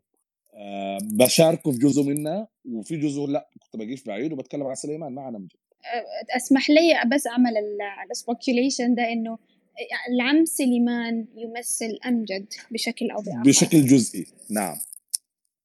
طيب أنا خلينا نخش هسه وناخذ أول سؤال وصلنا من من المستمعين يعني معانا. آه سؤال أعتقد ظريف شديد وممكن يكون مفيد للناس اللي شغالة حاليا في في السينما سواء كمخرجين أو أو أو حتى محبين للسينما والسينما السودانية على وجه الخصوص. أيوه. آه وطبعا عايزينك تجاوب تجاوب أكيد من من تجربتك الشخصية اللي هو إحنا زي ما عارفين السودان دولة كبيرة واسعة فيها أشكال وأنواع مختلفة من من الثقافات والعادات والتقاليد. فهل الشيء ده بي بي هل ممكن يكون حاجة سلبية ولا إيجابية لما تيجي تختار الممثلين؟ آه فده جزء من السؤال الأول ممكن نبدأ لا ما فهمت التنوع الحاصل في السودان. مم. يعني عندك ناس من الشمال السودان من الشرق من الغرب وحتى الجنوب والوسط أيوة. أهل المدينة أهل القرية وأهل الغرب. التنوع ده طبعا حاجة جميلة وحاجة مثرية شديد طبعا. يعني في أي في أي مجتمع. لكن ده ممكن يكون حاجة صعبة لما تيجي تختار ممثلين عشان يمثلوا الفيلم بتاعك. يعني حسب حسب الحدوته حسب القصة يا حسب اللي بتطرحها في الآخر. يعني إذا أنت بتتكلم مثلا مثلا أنا مثلا لما جيت أفتش ست النساء تعبت شوية. للتفتيش نلقى اللي تمثل دور ست النساء وعرضتها على مطربات كنت عايز مطربة شعبية تعمل ست النساء كانوا أغلبهم بيفهموا بيفهموني بيفهمونا غلط يعني وإحنا بنعرض الدور. آه مع إنه ما كان المشهد هو المشكلة على فكرة. كانت مشكلة أغلبهم لأنه النساء هنا تتكلم عن منو؟ يعني يعني أنتوا عنصريين قصدكم بخادم لا ما السينما ما بتتعامل معها بالطريقة دي. أنت بتشوف الكاركترز أو الناس بتاع القرية هم اللي عنصريين وشايفين إنه ست النساء خادم. ما إحنا صناع الفيلم. والسينما مراية. بتحكي ده. فكان أغلب المشاكل في دي. لحد ما وافقت أمال مصطفى مشكوره على إنها تعمل الدور لأنها زولا بتحضر السينما وزولا يعني بتلف على حسابها مهرجانات السينما وتتفرج عليها. هي اللي قدرت تستوعب ده بس طبعا ما مغنية. فاضطريت أجيب مغنية شعبية تانية من المدني وهي اللي كانت صوت أمال بال dubbing يعني. فمثلا آه أعتقد يعني مثلا حاليا إحنا حاليا بنعاني عشان نلاقي ممثلة جنوبية حسب مواصفات اللي عايزها المخرج للفيلم الجاي Goodbye Julia وفي نفس الوقت عايزين الشخصية الثانية زول لونها فاتح. أنا في الحياة العادية ما بحب فكرة إنه فلان لونه فاتح وفلان لونه غامق. لكن وأنا بعمل كاستنج إجباري حتعامل مع ده وبدون خجل كمان. واللي ما بيستوعبه بيكون ما قادر يفهم الفرق بين إنك تكون ناشط في الحياة وإنك تكون بتعمل كاستنج لفيلم. لأنه أنت هنا بتحاول تدي حاجة معينة لها علاقة ب آه، فهم الناس. يعني مثلا الأوروبي بيشوفنا كلنا سود. إحنا عندنا تصنيفات للون بتاع الألوان مثلا. فتخيل أنت قاعد تعمل فيلم عن امرأتين في فيلم في المداع جوليا وفي عنصرية حاصلة بشكل أو بآخر. فأنت تلقائيا بتفتش للشمالية على الوحدة لونها فاتح.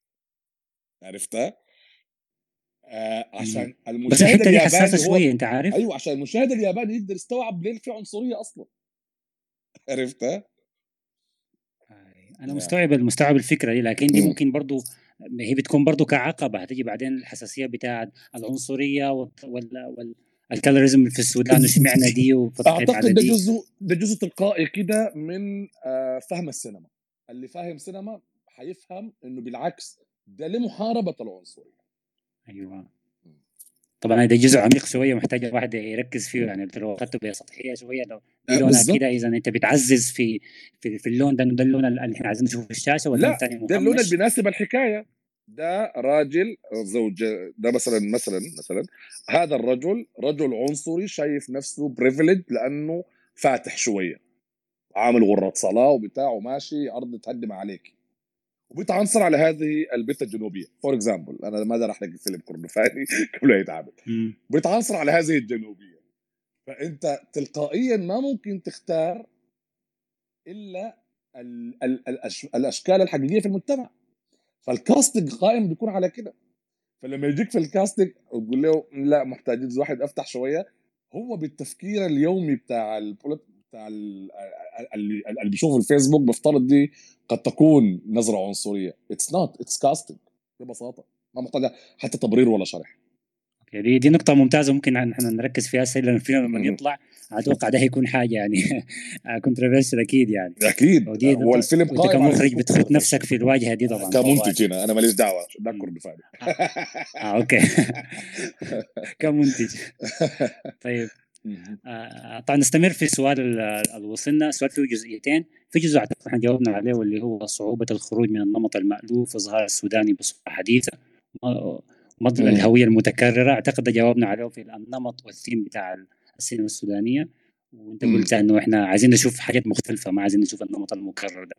لكن خلينا نمشي سؤال ممكن يكون مفيد برضه للناس الخاشين في المجال بتاع آه، صناعة الأفلام في السودان. اللي هو بيقول إحنا محتاجين شنو؟ بأبجديات بسيطة إحنا محتاجين شنو؟ عشان نخلق جو سينمائي يعني مهيئ لصناع الأفلام في السودان سواء كان من ناحية المنتجين ولا من دور السينما. شنو ناقصنا؟ يعني بعيدا ممكن نقول نبعد شوية من من الحكومة ومطلوب منا شنو؟ إحنا إحنا محتاجين شنو؟ نعمل شنو عشان محتاجين نخلق جو الحكومة. لا لا؟ لا ما حبعد من الحكومة يا حسن. لحظة ما حبعد من الحكومة. عملنا ثورة عشان نغير حكومة بتحترم ال- الفنون وبتحترم الحريات وكذا. فأعتقد دور الحكومة الآن إنه يفهموا إنه صناعة السينما ما قائمه على أمجد وصهيب ومروة وحسن وتسنيم. إحنا جزء. إحنا الماتيريال اللي هم المفروض يشتغلوا عليه عشان يعملوا صناعة سينما تتكلم عن هذا البلد برا. وتتكلم عن هذا البلد بحرية ما اللي هم عاوزيننا نقوله. اللي إحنا عاوزين نقوله. إحنا أولاد هذا البلد شايفينها كيف؟ الشايفة جنة يقول جنة والشايفة جحيم يقول جحيم. هي دي السينما. Or leave it. آم، فكرة ده ردا على اللي بيحاول يقول لك طلع لنا الحاجة السمحه ما حسب حسب. في حاجات سمحة هتطلع وحاجات زي الزفت هتطلع برضه. فيعني just be ready guys you know. بس آه، ما أقدر أقوله على موضوع الحكومة ما هو لو من غير حكومة تقدر تعمل آه، تدريس مثلا. أنا حاليا كمية المسجات اللي للأسف ما بقدر أرد عليها كلها بعتذر للناس اللي بتجيني على داير اقرا سينما اقراوي ما بلحق أرد على كل الناس دي والموضوع محتاج تفاصيل مختلفة. ده أطور سيناريو أعمل شنو أنا عندي قصة. يعني عندي قصة ده أحولها فيلم. يعني ده كله لو كان في أكاديمية ورش مستمرة مستقرة معروف إنه ورشه التأليف شهر 10 مثلا أوكي خلاص ببساطة حق الإجابة قدم ورشه التأليف وخذ شهر آه، في تطوير قصتك مع المدربين اللي هناك. مين اللي حيقدر يصرف على ده؟ محتاج تكاتف الحكومة ورجال الأعمال. والمنظمات. يعني برضو بقدر استثني المنظمات لانها عاملة بشكل قوي في السودان. فأعتقد ده الان الأوان إنه زي منصة زي منصة براح تدعو لده. تدعو إنه رجال الأعمال مهمين في السينما. يعني حاليا مين اللي عامل شركة الإنتاج في مصر كلها؟ الدولة؟ لا طبعا. رجال أعمال. نجيب ساويرس وفلان وفلان. فأيوة أنا مستني رجال الأعمال آه، يشاركوا في في شركات الإنتاج السينمائي الموجودة في السودان. يدخلوا برأس مال. يعني حاليا مثلا Station Films المملوكه أنا وعمدة بتجينا كمية عروض للمشاركة كمنتجين مشاركين في أفلام أوروبية حتى. حس في فيلم فرنسي معروض علينا كده. بس إحنا ما عندنا قروش نشارك معاهم. آه هو ليه طبعا الفيلم الفرنسي لأنه فيه حدوتة سودانية معينة وحيتصور جزء منه في السودان وهكذا. فبالتالي أعتقد انه وجود رجال الأعمال مع وجود الدولة مع وجود المنظمات لو في حاجة تقدر المنظمات المنظمة ممكن تدعم في التدريب مثلا. الدولة ممكن تدعم بفند وطني واضح سنويا زي ما بتعمل تونس. أوكي؟ الفند ده بيتوزع ده بتقدم وفي لجنة تحكيم من برا عشان ما يبقى في أي محاباة. آه بتختار أفلام قصيرة وأفلام وثائقية قصيرة وروائية قصيرة أفلام طويلة وثائقية وروائية وتمنح الفند لدي الافلام في مرحلة التطوير وتمنح فند أعلى شوي للأفلام في مرحلة الإنتاج وهكذا. ده المفروض تعمله الدولة بمساعدة رجال الأعمال لو الدولة ما عندها ما يكفي من القروش. أوكي يعني تلخيصا لكلامك المهمة مشتركة بين بين جهات كثيرة شديد الجهات المسؤولة كدولة المنظمات الجمعيات الخيرية والغير الخيريه الربحية والغير الربحيه صحيح. آه المهرجانات اللي ممكن تقام داخل البلد. آه يعني مسؤوليه مشتركة يعني. صح المهرجانات دي عايزة نفس الدعم. ما هو أنت لما الدولة تدعم المهرجان المهرجان يبقى ثابت وعارف روحه راكز وماضي عقد مع الدولة لمدة 10 سنين ما يقيف ولا يوم ساعتها حيقدر يعمل اتفاقات مع مدربين عالميين ويجيبوا يدوا ورشة زي أصغر فرهادي مثلا يدي ورشة خلال المهرجان أسبوع كامل للشباب السودانيين تجيب لهم أوسكار أصغر فرهادي اللي فايز مرتين بالأوسكار ولا درسني أنا سيناريو. المخرج الإيراني الكبير. ف بس أنا ما أقدر أجيب مهرجان السودان وأنا ما متأكد الدولة حتقوم ولا ما حتقوم عشان ما متأكد في قروش ولا ما في قروش السنة دي. عشان عشان معتمدين على بعض المنح من هنا ومن هنا. ده لازم يكون آه، شكله ثابت آه، وموجود بشكل مؤسس واضح. ما أقدر أقول نعمل أكاديمية سينما وبتاع بس على الأقل يكون في ميزانية سنوية ما ما مستني كل سنة تقدم لها ويقعد المسؤول الجوا يفكر لها ولا لا. ما على كيفك. إحنا متفقين حتضل لها كل سنة. طبعا ده دي دي دي أنا أعتقد دي بتعزز أهمية الفن وال ودور السينما في في في, في أهمية الثقافة عموما في البلد مش مش إن إحنا بس محتاجين نغير آه بالضبط يعني نظام سياسي. لو مسكت التشكيليين لو مسكت الفنانين التشكيليين أو كده أعتقد حيكون عندهم حاجة زي دي برضه عايزين يقولوها بس أنا حكتفي بالكلام على على مستوى السينما لأنه السينما بتشمل فنون كثيره جدا هنتكلم عن التشكيل مثلا أنا عايز ورش تدرب لي الناس اللي بيشتغلوا في الأزياء أنا كل اللي بعرفه حاليا سيمبا واريج زروق ولو بكرة مشغولين أثناء التصوير لو أنا عايز أصور حاجة مشغولين أو اختلفنا مين حيجي يعمل أزياء غيره؟ ما عندنا you know? لو لو عايز أعمل ديكور ورشة شغالة في حاجة ثانية ساره عوض شغالة في حاجة ثانية وميمنة شغالة أوكي؟ ميمنة وسارة تقريبا هم الوحيدين أو من القلائل اللي بيعملوا ديكور آه للسينما والتلفزيون في السودان. طب إيه؟ مين؟ لو لو أنا بنتج في فيلم وما اتفقوا الاثنين دول مع المخرج بتاعي. أجيب لهم عارف هعمل شنو؟ حجيب مصريين. تلقائيا ده أول خيار. أيوة. إحنا عايزين عايزين أسامي أكثر يعني ما عايزين بس امجد بالظبط ما عايزين بس رشا عايزين أسامي كثيره شديد خيارات متاحه عشان يكون برضه طبعا عشان ما يكون زي ما اجين نفس النمط والنسق المكرر لازم يكون في تنوع برضه والسودان واسع يعني. في مواهب كثيره وفي ناس محتاجة ممكن أعلق على دي برضه اوريك عملنا شنو في العشرين عشان ده. اولا اتفضل. كنت أي كنت يعني كنا حريصين على إنه من من جامل في الحتة التقنية. فدي ما كان في أي خيارات إنه يكونوا ناس ما اشتغلوا سينما قبل كده آه في السودان أو ما اشتغلوها قريب. بال system القريب وتعرف أليكسا وما عارف إيه ومحتاجة الزول يكون عارف تفاصيله وبتاع. فتلقائيا مدير التصوير كان محسوم إنه حيكون من برا وبحكم الإنتاج كان أقرب إنه يكون من فرنسا. آه الصوت من اللي ما كنت مستعد ألعب فيها ابدا. فجبت الصوت من لبنان آه يعني هناك من لبنان جبنا مهندس الصوت ومساعده والمساعد الثاني كنت حريص إني أجيب واحد سوداني. فاشتغل اشتغل مساعد ثاني ده آه هو اللي عمل الصوت بتاع فيلم بتاع الحديث عن اشجار بس طبعا هناك فيلم وثائقي وهنا دراما. فكان صعب جدا ما عمل دراما في حياته قبل كده إنه يعملها لأول مرة في فيلم. فبالتالي بقى مساعد واستفاد من التجربة. حاليا هو جاهز إنه المرة الجاية يعمل كده وأعتقد اشتغل بعد ذاك. آه، ده الصادق. والمكياج. المكيره كانت من الجابون أفريقية فرنسية جابون فرنسية وكانت المساعدة معاها ريان بنتنا السودانية. ريان بعد ذاك على طول عملت الست مثلا. أوكي؟ آه الشلوخه اللي في وش ماما رابحة دي إحنا بنقول ماما رابحة طبعا. الشلوخه اللي في وش ماما رابحة دي عاملاها ريان اللي تدربت في 620 كمساعدة ماكيره ونفس الشيء بالنسبة للتصوير ونفس الشيء بالنسبة لحاجات وفي حاجات قلنا لا ده حيكون team سوداني 100% اللي هو فريق الإنتاج أكثر من 12 واحد وفريق الديكور والأزياء.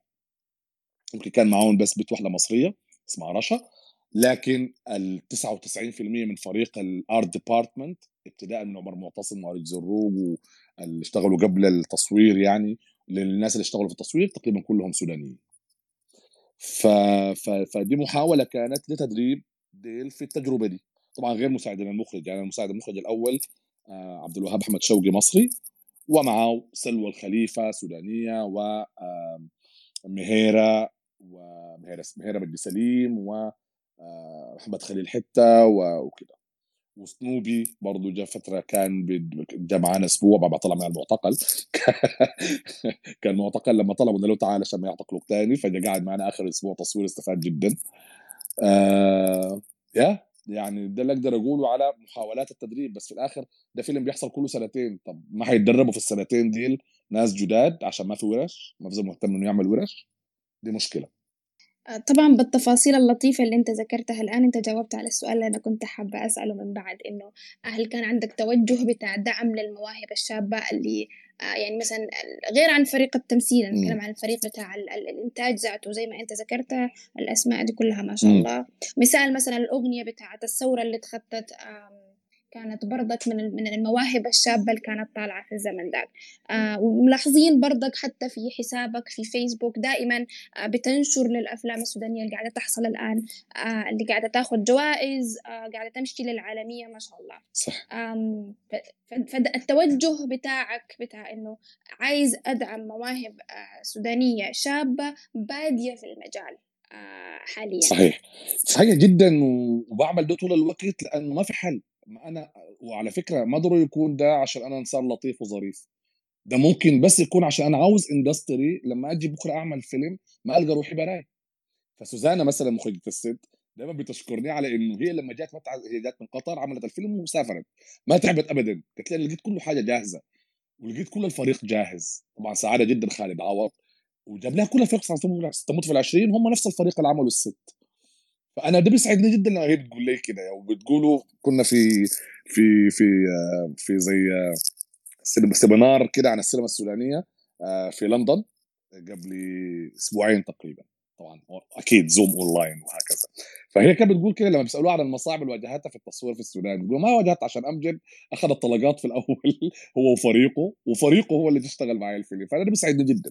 فبحاول أعمل ده دائما آه، مثال ثاني إنه المتوقع من مخرج فيلم نجح بالطريقة دي حول العالم إنه يخش على فيلمه الجاي اللي بعده طوالي.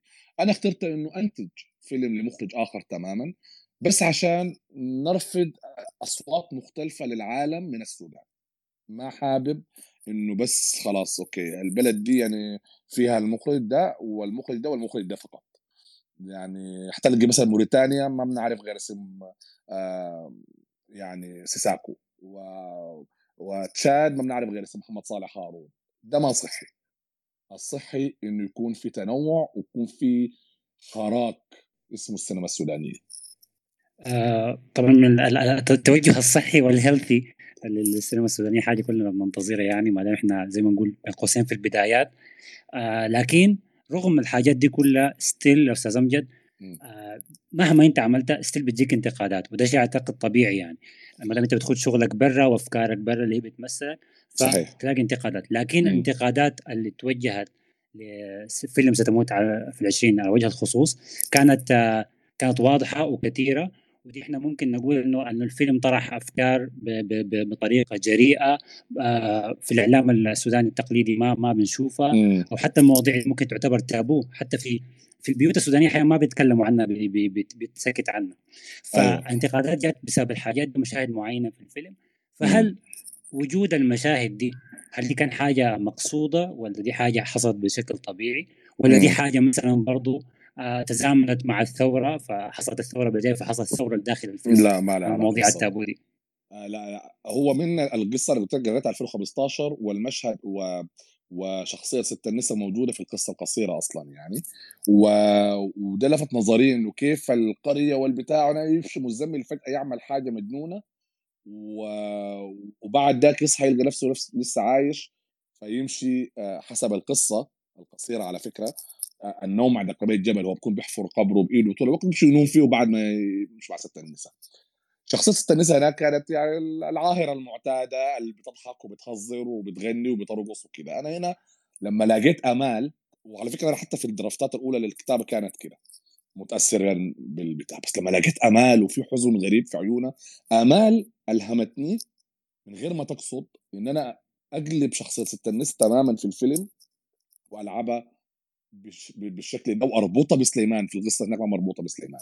وأربطها بسليمان وألعب على فكرة ضمنية كده اللي قدر يقراها منه فكرة العنصرية وإن هم بيحبوا بعض بس عمره ما قدر يعرسها ولا كان بيحاول. لأنه هو رغم إنه بيحبها بس هو برضه طبقي زيه زي زي أبوه. وده ظهرت في المشهد وهي بتقول له 30 سنة مستنياك. وتيجي في الآخر تقول لي كده. فالتابوهات لو ما لو ما السينما كسرت التابوهات مين حيكسرها؟ فطبيعي السينما معمولة لكسر التابوهات. ومعمولة. لكشف وجوهنا المخفية وراء أقنعة في مر... في مرايات ما بتستحمل الأقنعة. السينما مرآة. وذاكرة طبعا. السينما ذاكرة وهتفضل ذاكرة لقدام بتقول حاجات كثيرة. ولكن حاليا على الأقل أنا بتعامل مع السينما كمراية. أنا عموما كأمجد لو سألتني على أدق أسراري بقول لك ما أصله معي ما بعرف ادرس حاجة فيعني في حتة شخصية كده صعب في مخرج تاني يبدأ يحسب حسابات طب أنا لو عملت كده حتهاجم بصراحة أنا ما أنا. يعني بقرأ الهجوم زي كده بقرأه عن زول تاني ولا كأنه علي فاصلا ما يعني أنا الغريب. الغريب حقيقي إنه ممكن أي واحد من المستمعين يرجع لأي نقد اتكتب عن الفيلم بتاع 620 طبعا النقد ده مكتوب على نقد ايجابي وسلبي وصدفت يعني 99% من النقد العربي والعالم عن 620 إيجابي. ما حيلقى زول ذاكر المشاهد دي خالص لأنه هي في المقياس العالمي والعربي ما موجودة أصلا. يعني ممكن تكون الكلمة اللي قالها سليمان فرقت مع المصريين لأنه 120 سنة سينما في مصر عمرها ما اتقالت. ودي شيء مزعج المصريين عارف ليه مزعجهم؟ لأنه ما بيحكس الواقع. ما ممكن اثنين في حارة مصرية بيتشاكلوا انت لو بتمشوا مصر يعني انت ماشي في الشارع كده سواق التاكسي بتلقاه بيتكلم وبقول بقول ألفاظ معينة. فما ممكن آه، اثنين بيتشاكلوا في السينما المصرية تلقاهم بيقولوا آه آه يا وحش. يا قاسي. لا مستحيل. بس السينما المصرية بيعملوا كده لأنه ما في يعني في تفاصيل كثيره لها علاقة برقابة عسكرية قديمة يعني ما كانت بتسمح بالصراحة. لكن لو شفت السينما الفلسطينية أو السينما اللبنانية والتونسية والمغربية عادي. ده يعني آه، ما في شيء من أول حرف لآخر حرف. والغريب بنعرض ده في مهرجان السودان للسينما المستقله والجمهور السوداني بيستقبله عادي. وبالعكس بيحبوا الفيلم لأنه بيحسوه حقيقي وواقعي و... وكأنه في كاميرات مدسوسة في الشارع. فليه هنا مستغربين؟ أنا هي ده ده. يمكن الأسئلة الجات وخصوصا ان جات على شخصية واحدة آه، منطقي من من شكل الشخصية هي الخالة الدراع اللي موجود في أغلب بيوتنا يعني. عارف خالك الدراع اللي ممكن يدرعها بالسودان آي يقول هو آي مستوحى من قصة الخال اللي عاش في أوروبا و... وشايف روحه متطور عن الكل. حاجة بتشبه هو وقصد يقول كلمة زي دي المزمل عشان هو شايف مزمل متحفظ جدا وممكن يكون بسمع الكلمة دي في حياته من زول يعني. فهو قصد كجزء من مشروعه مع مزمل إنه يديه كلمة زي دي. أما يلا المشهد في الآخر. تفضل كمل. آه، أما مشهد بنا ومصطفى مثلا مشهد نعيمه ومزمل حقيقه هم ما بنا ومصطفى بنا ومصطفى بالعكس كانوا آه، ما عندهم مشكلة في في في في المشهد خالص بس كان في حتة كده لأنه بعد ما اشتغلوا سنة ونص بيبقوا أصحاب شديد عارفين أسرار بعض كأصدقاء. يعني مصطفى بتشكس مين؟ بنا ما أعرف آه، عارفين. فما بس في حتة كده بتاعت أخوة كده كانت بينهم بقت صعبة لكن كان واضح إنه أنتوا حاليا ما بنا ولا مصطفى أنتوا حاليا مزمل ونعيمة اللي بيحبوا بعض ونعيمة هي اللي بي بتحاول تدي آه، تجربة مختلفة للمزمل تحببه في الحياة. تخليه يشوف حاجات حياتية بسيطة لطيفة. صح ولا غلط؟ ما تفكير. نعيمة في اللحظة دي مم. التفكير نعيمة في اللحظة دي هادي الولد الخجول ده حاجة تخليه يفكر معي في بكرة وفي البيت اللي عايزين نعمله وفي الأولاد اللي عايزين نجيبهم فالسينما دايما هتتكلم باسماء شخصياتها أمجد ما له علاقة في اللحظة دي ولا الممثلين اللي مثلوا الأدوار يا طيب أنا أنا أنا مستوعب الكلام ده كله وأنا أنا يعني متوقع دائما لما أشوف فيلم ألاقي فيه حاجات آه. زي ما السودانيين بيقول لك بين قوسين خارجيات أو ما متعودين آه. ضروري ينصدم من المشاهد يعني ولا الفيلم. بيكون ممل ومكرر لكن أنا توقعت كفيلم سوداني رواية طويل أول فيلم سوداني رواية طويل بنشوفه من فترة أنه الفيلم يكون ثوري في بس بس على أساس إنه طلع ما بسبب ال- ال- الحاجات أو المشاهد دي. قلت ممكن طبعا ده سؤال أنا بسأله أنا ليك انت يعني. سؤال شخصي شديد. آه، كان كان بإمكانه إنه المخرج إنه يتفادى ال- ال- المشاكل لا لا لا لا لا قبل وانه أكمل يخلي سؤالك لا لا لا. يخليها لقدام يعني لما يجي فيلم بخليك تكمل سؤالك يا حسن. لا لا رافض تكمل سؤالك أصلا. لأنه ما ممكن. ده ممكن لما تكون مخرج زول تاني وبيفكر بالطريقة دي. أنا ما بفكر بالطريقة دي وأنا المخرج وأنا اللي باخذ القرار في أعمل إيه في فيلم الأول. هل أنا عاوز منه بس مجرد إنه طلع فيلم وبتاع هنا ده التفكير الجمعي إنه بس تطلع لنا فيلم بتاعنا وخلاص. لا ما هو في السينما اللي أنا بحبها والسينما أنا بحترمها و... وطول عمري ضد الرقابة وطول عمري ضد التحفظ في السينما.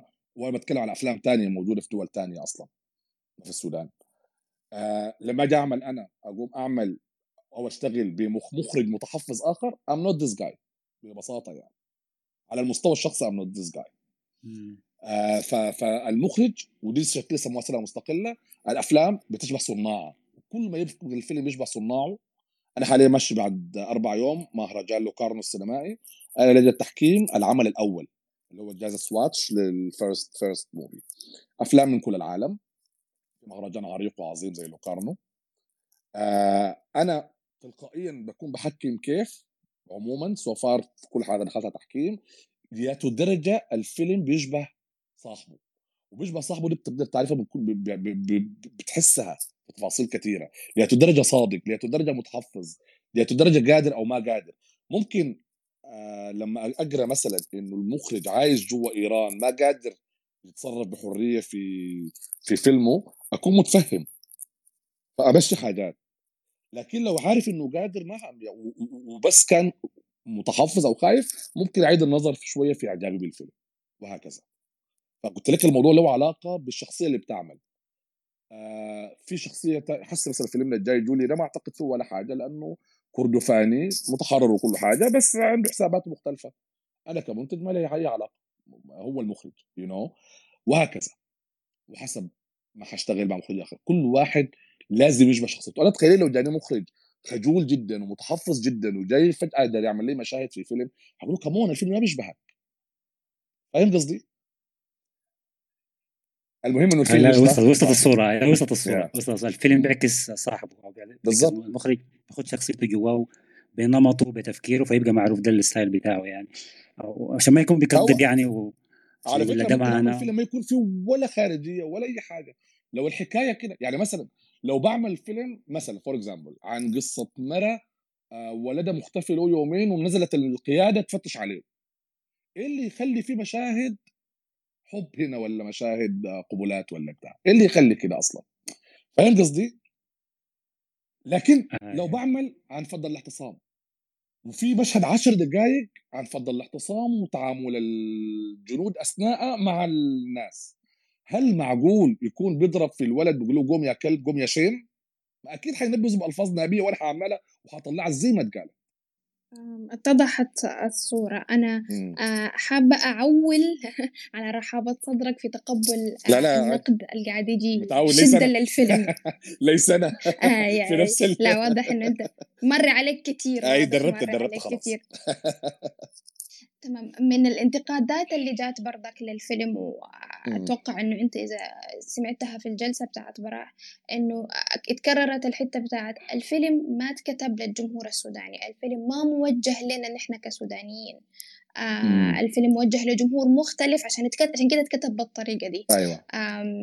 فتعقيبك شنو على الحتة بس؟ يعني هو ال- القصد من ما اتكتب للجمهور السوداني بس لأنه في مشهدين من النوع ده ولا عموما رتم الفيلم وطريقته قد تكون ما المتعود عليه الجمهور السوداني في مشاهدة الأفلام الأمريكية والمصرية. الاثنين هو ال two factors بيأثروا على النظرة بتاعت جميل. الغريب إنه ال two factors ده اجابتهم واحدة.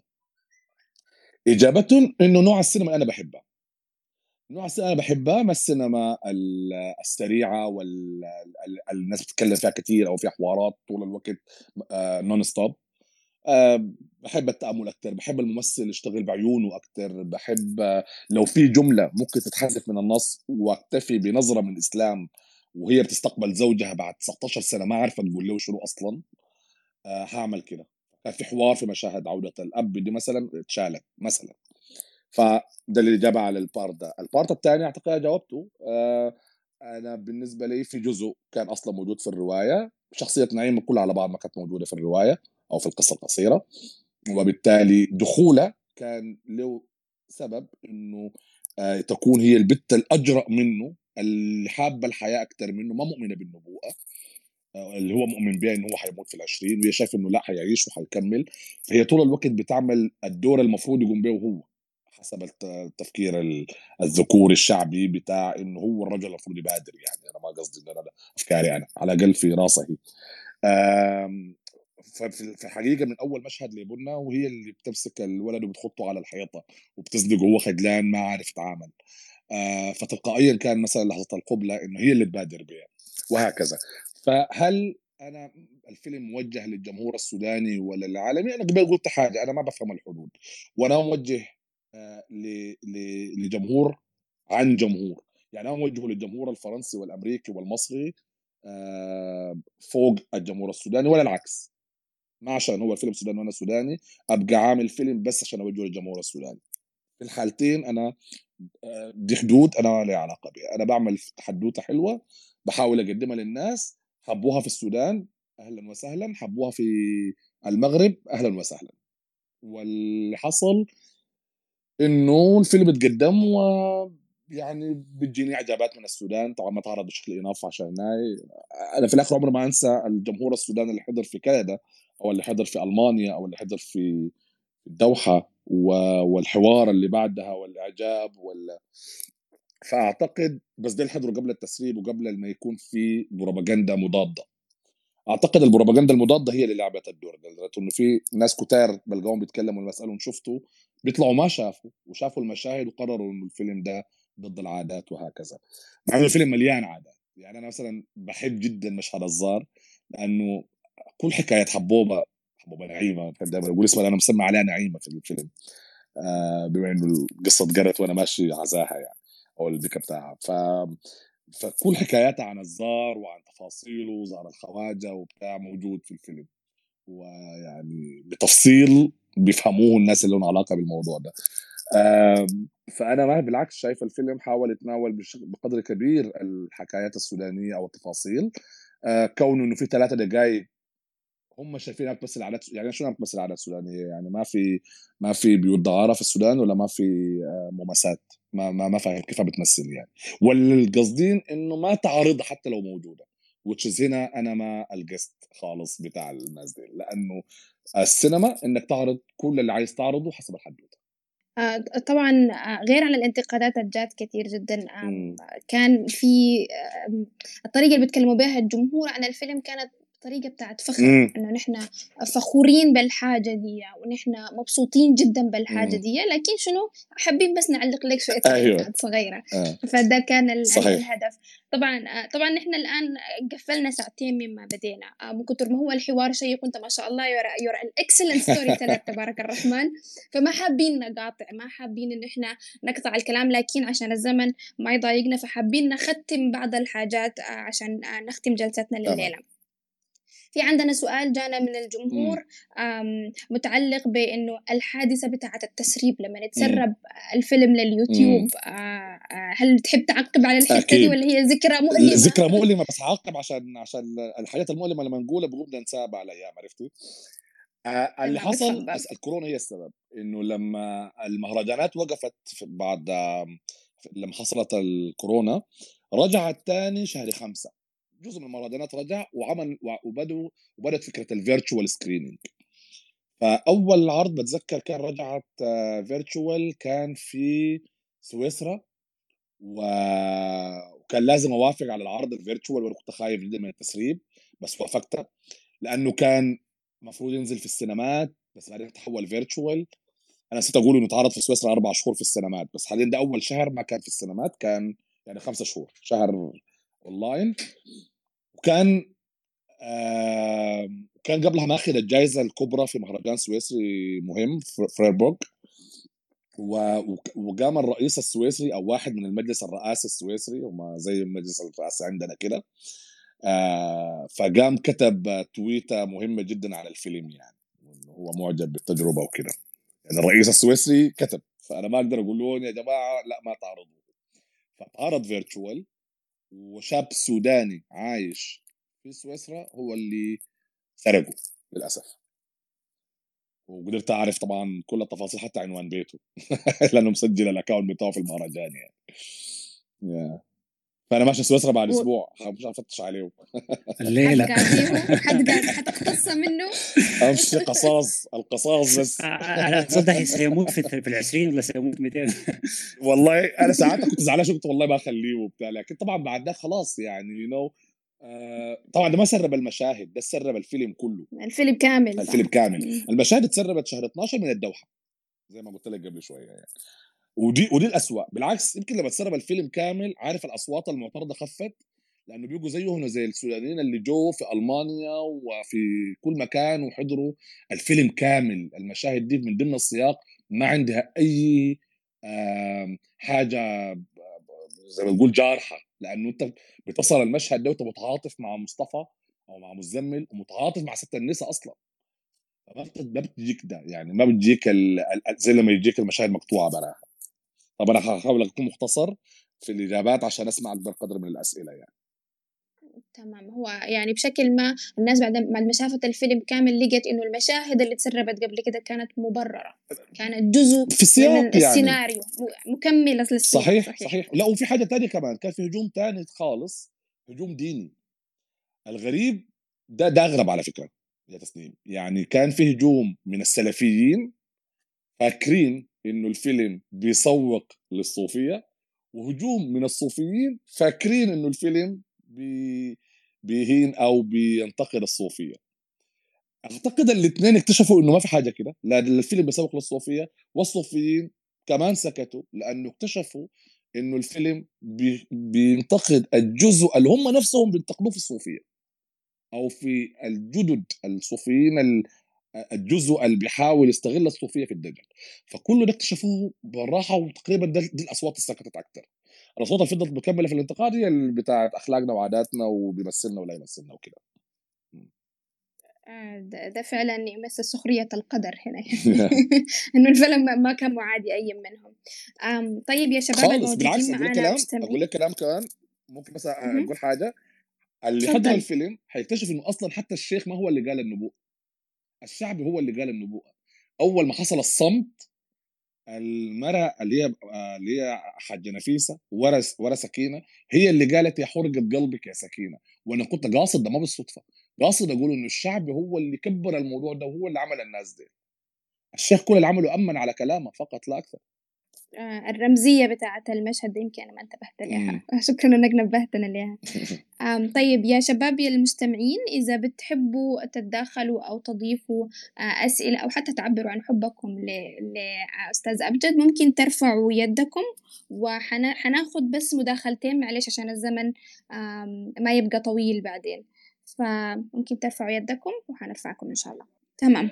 تمام. حبابكم. منو اللي معانا أول أيوة معانا ميم. أهلا يا ميم. مساء الخير. مساء الخير. النور. شيء آه، أمجد آه، جد شكرا على القطعة الفنية ذي. أنت عملت فيلم. أنا أنا من الناس اللي أحب الأفلام المستقلة والأفلام التجارية اللي بعيدة عن مضامين رمزية واللي ما يكون فيها يعني مثل ما قلت أنت فيها حكاية ثانية أقرب إلى العيون واضحة في عيون الممثل الشخصية فالفيلم حقك. أعتقد أنه قدر أنه يوصل لهذا المستوى أو أنه ياخذ السينما إلى أنها تروح في منطقة تكون فيها الشخص معبرة الصورة معبرة أكثر. الرمزية واضحة فيها بشكل أكبر. فأنا استمتعت كثير بال سعيد أنه برضو من السودان. الفكرة كانت بديعة لكن حسيت أنه ناقص في الفيلم. أنه ما صار في مناقشة حول الفكرة والنبوة نفسها. ما ما قدرنا نوصل إلى جدل. يعني ما حسيت إنه الشخصيات دخلت في حالة جدلية. مثلا الأم أو الحبيبة أو مثلا خلينا نقول آه، طرف ثالث مثلا في في الشخصيات حولها جدلية. كان ودي أسمع جدلية الشخصيات. فكأنه في تسليم لهذه النبوءة أي جدلية أو في طرف يعني يجادل بنفس هذه الفكرة والنبوءة أنا استمتع استمتعت جدا بالإخراج. استمتعت جدا بقدرتك على السيطرة على الشخصيات وتوجيهها بشكل مرة ممتاز. استمتعت بالقطع اللي أنت وضعتها في القصة. جدا كان شيء مرة ممتع. حتى الإضافات الأم المسنة برضو إضافتها كانت بديعة جدا. آه، اللي أقدر أقوله إنه أنا جدا أعجب بهالفيلم. وجدا سعيد في سينمائي عربي وخاصة من السودان يكون بهذا المستوى الجميل جدا. شكرا. شكرا أشكرك. جد. أشكرك عزيزي جدا و... وشاكر شاكر تعليقك. وخلينا بس أجاوب على آه، الجزء. يعني هي إجابة حتكون بسيطة جدا. أنا حبيت الجدل يكون ما بعد الفيلم مش جوا الفيلم هذه الشخصيات لا تجادل. يمكن اللي جادل هو فقط آه، سليمان. فحصرت الجدل فيه والباقيين سلموا. ما هو هذا النقد الموجه فكره التسليم الكامل للموضوع. فاللي جادل هو سليمان. آه، جوا الفيلم جادل مزمل وجدله يعني ما فاد أنا ما أعتقد فاد مزمل كثيرا إلا في القرار الأخير. حتى قرار إنه مزمل يروح لست النساء أعتقد فهم خاطئ من مزمل اللي كان بيحاول يقوله سليمان. أو أو قد يكون لا خاطئ مش خاطئ مش عاوز أحكم عليه هو حر هو مش أنا في الآخر. ممكن أنا ممكن أنا فهمت أنا ممكن فهمت آه. تصرف مزمل مختلفة كانه ثور على ال... على هذا السجن اللي كان هو متمسك بالضبط. فيه فكان حالة ثورة بالضبط صحيح فهو كان أقرب للثورة أكثر منها القرار الحقيقي المطلوب بس يمكن قرار المغادرة في الآخر والبحث عن حياة مختلفة أعتقد هو كان القرار السليم. ولسه بقول أعتقد لأنه في الآخر تحولت لمشاهد بشكل أو بآخر يعني خاصة بعد سنتين من إطلاق الفيلم يعني. فأنا بس حبيت الجدل يكون ما بعد ذلك وأعتقد صار الجدل. يعني كل ال Q&As اللي عملناها كل المناقشات حتى أحيانا بقرأ في الفيسبوك في ال social media أيام الفيلم طلع في نتفليكس مناقشات بين الناس سواء سودانيين سودانيين أو سودانيين مع عرب أو عرب في عرب. حسيت إنه النقاش هو اللي مطلوب في هذا الفيلم. بس في الآخر هدفي كمخرج حكاية أن أحكي حكاية مزمل فقط. تمام. يديك العافية ميم على سؤالك وأعتقد الجواب كان كافي فعلا وده اللي حصل فعلا بعد الفيلم في نقاشات كثيرة ومنها كان الونسة اللي اتعملت في براح عن الفيلم نفسه يعني وصلت تقريبا تقريبا ثلاثة ساعات فده بيدل إنه فعلا الفيلم يعني ادى دوره في الناحية دي زي ما أنت كنت عايز بالضبط. آه نمشي للمداخلة الثانية والأخيرة الليلة من محمد أبو عوف اتفضل ويا ريت تكون مختصرة بس عشان الزمن. تفضل يا أبو أحمد. آه، أول حاجة السلام عليكم جميعا آه بس أنا داخل أشكر أستاذ امجد آه على أول حاجة لما تكون أنت الأول دائما حاجة صعبة وأنا بهنيه على الشجاعه دي وكنت دائما مراهن على شخصيته القويه لأنه كنا محتاجين شخصية بنفس القوة دي. تخدم السيناريو وتخدم السينما بدون أي تحيز لجانب. بس حبيت أشكركم وشكرا على اللقاء الجميل ده. على فكرة I'm driving بس حبيت اسمعك وما أكل. يا يا أخي أشكرك جدا و drive safe. بشكرك جدا وبتوقع إنه فعلا يعني كانت فكرة إن القيام بتجربة زي دي كان أكيد. كان فعل انتحاري لينا كلنا يعني سواء صهيب ومروة برضه كان فعل انتحاري بس يمكن الوثائقي في الآخر ال team كان أبو ستة إحنا 60 واحد أو أكثر لو حسبنا الكومبارس وحسبنا البتاع. فكانت تجربة يعني بشكرك على تعليقك. حسن لو ما مستعجل أنا تمام يعني ممكن نسمع بقدر الإمكان آه، أصوات ثانية حاب أسمع الناس يعني لو ما عندك مشكلة. أنا تمام أستاذ امجد أنا معاي ثاني كم ريكوست ناخذهم ناخذهم معي ما مشكلة. تمام نمشي اللي بعده المجتبى إذا نطقت اسمك صح المجتبى. آه، مساء الخير. آه، مساء النور. يا هلا. أوكي. أنا عندي سؤال لأستاذ أمجد إنه آه، هو عمل الفيلم. أول حاجة أنا مقيم برا السودان مقيم في فرنسا وكنت سعيد جدا إنه أمشي أقف في الصف في السينما كعادتي كل نهاية عطله أسبوع. ولأول مرة أمشي اقف في الصف وعزمت أصحابي كلهم إنه نمشي. ماشيين نحضر فيلم سوداني. ف كان حاجة ف... يعني فخور بيا جدا إنه أنا مشيت حضرت فيلم سوداني. فليه الشكر لكل الشباب اللي عملوا الفيلم وكده. شكرا لكن- سعيد إنك لحقته قبل ما يتشال بسبب الكورونا يعني. أي- أيوه صحيح. بعد ذاك حص دخلنا في في ال lockdown ودخلنا في المشاكل بتاعت الكورونا وكده. أيوه. ولكن شكرا جزيلا لك ولكل الناس اللي اشتغلوا معك كده أنا عندي سؤال آه، متعلق ب... برسالة الفيلم وكده. في جزء من من من حواراتك في آه، ال- اللي هي طبعا حصل بعد ذاك انفجار للميديا وتكلموا عن الفيلم السوداني سنة 20 والناس كلهم يتكلموا عنه وانت بنفسك يعني استضافوك في مجموعة كبيرة جدا من ال من ال من ال الميديا يعني والصحف العالمية والعربية وكده.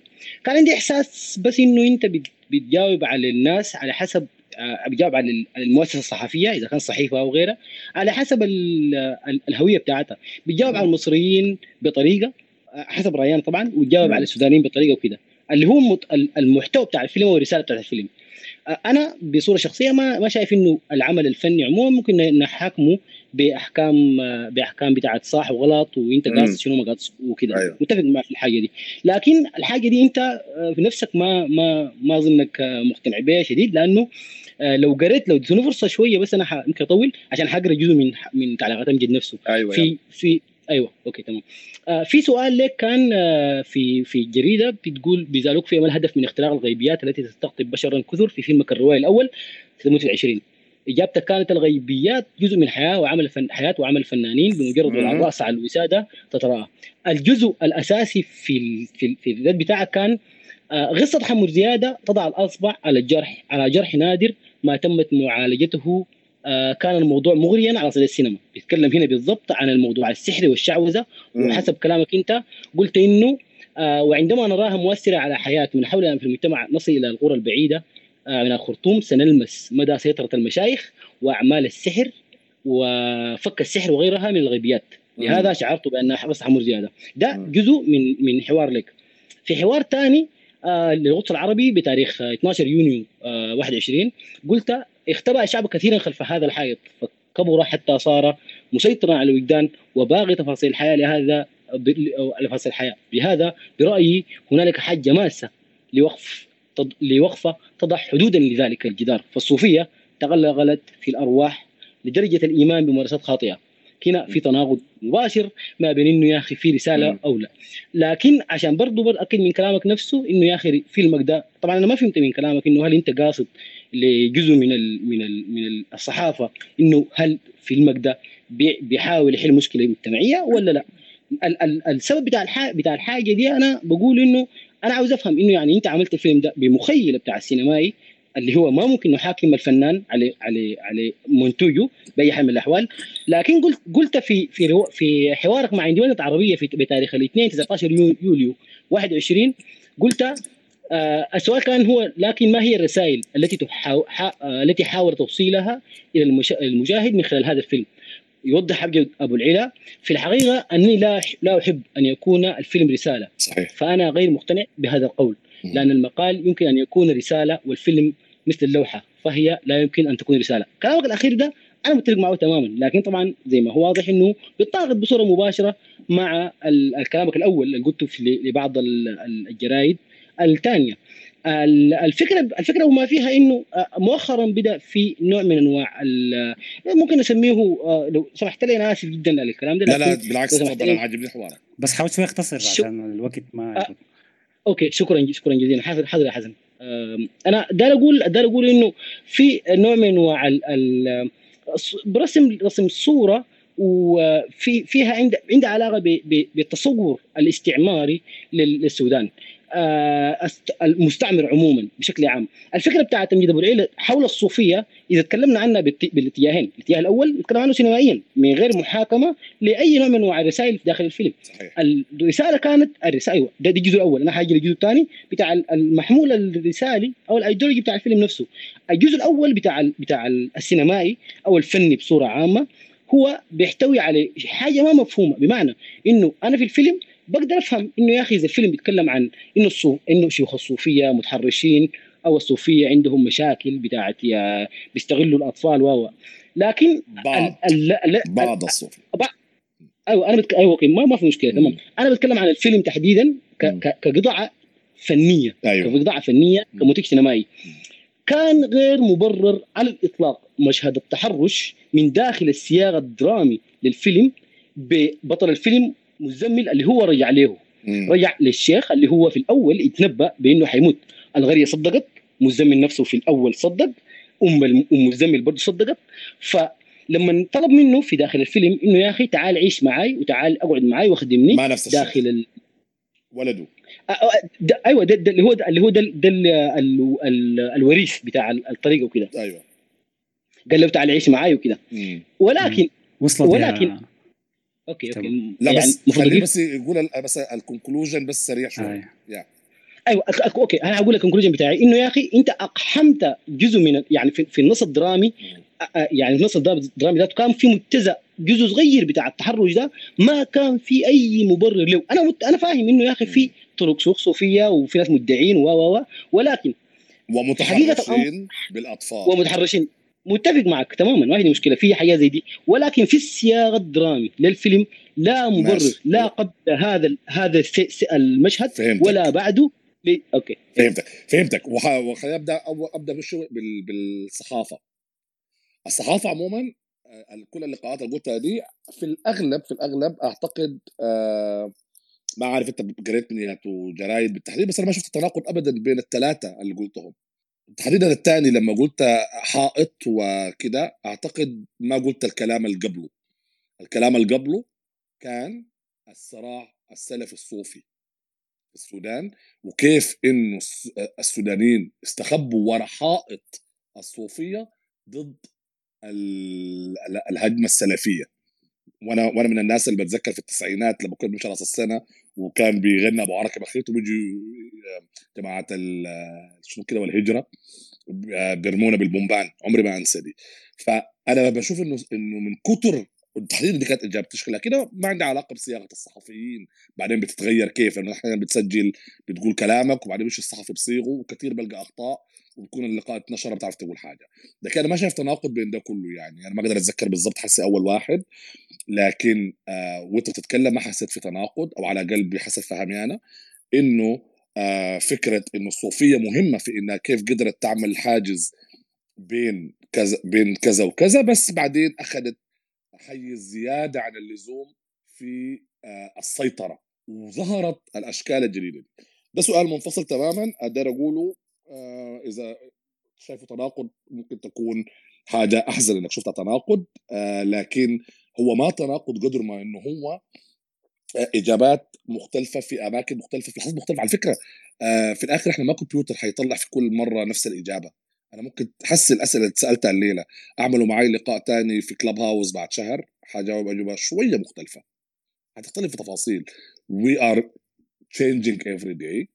أنا أنا شخصيا كالفيلم ممكن أكون من سنتين شفته مرتين تخيل يعني قدر ما بمشي مهرجانات بعمل التقديمه بطلع بجي في الآخر بعمل كيو إيه ما بشوفه فاحيانا لما أشوفه حاليا أنا عندي آه، وجهة نظر مختلفة في بعض التفاصيل. بقرأ شخصيات من قراية الناس قراية مختلفة.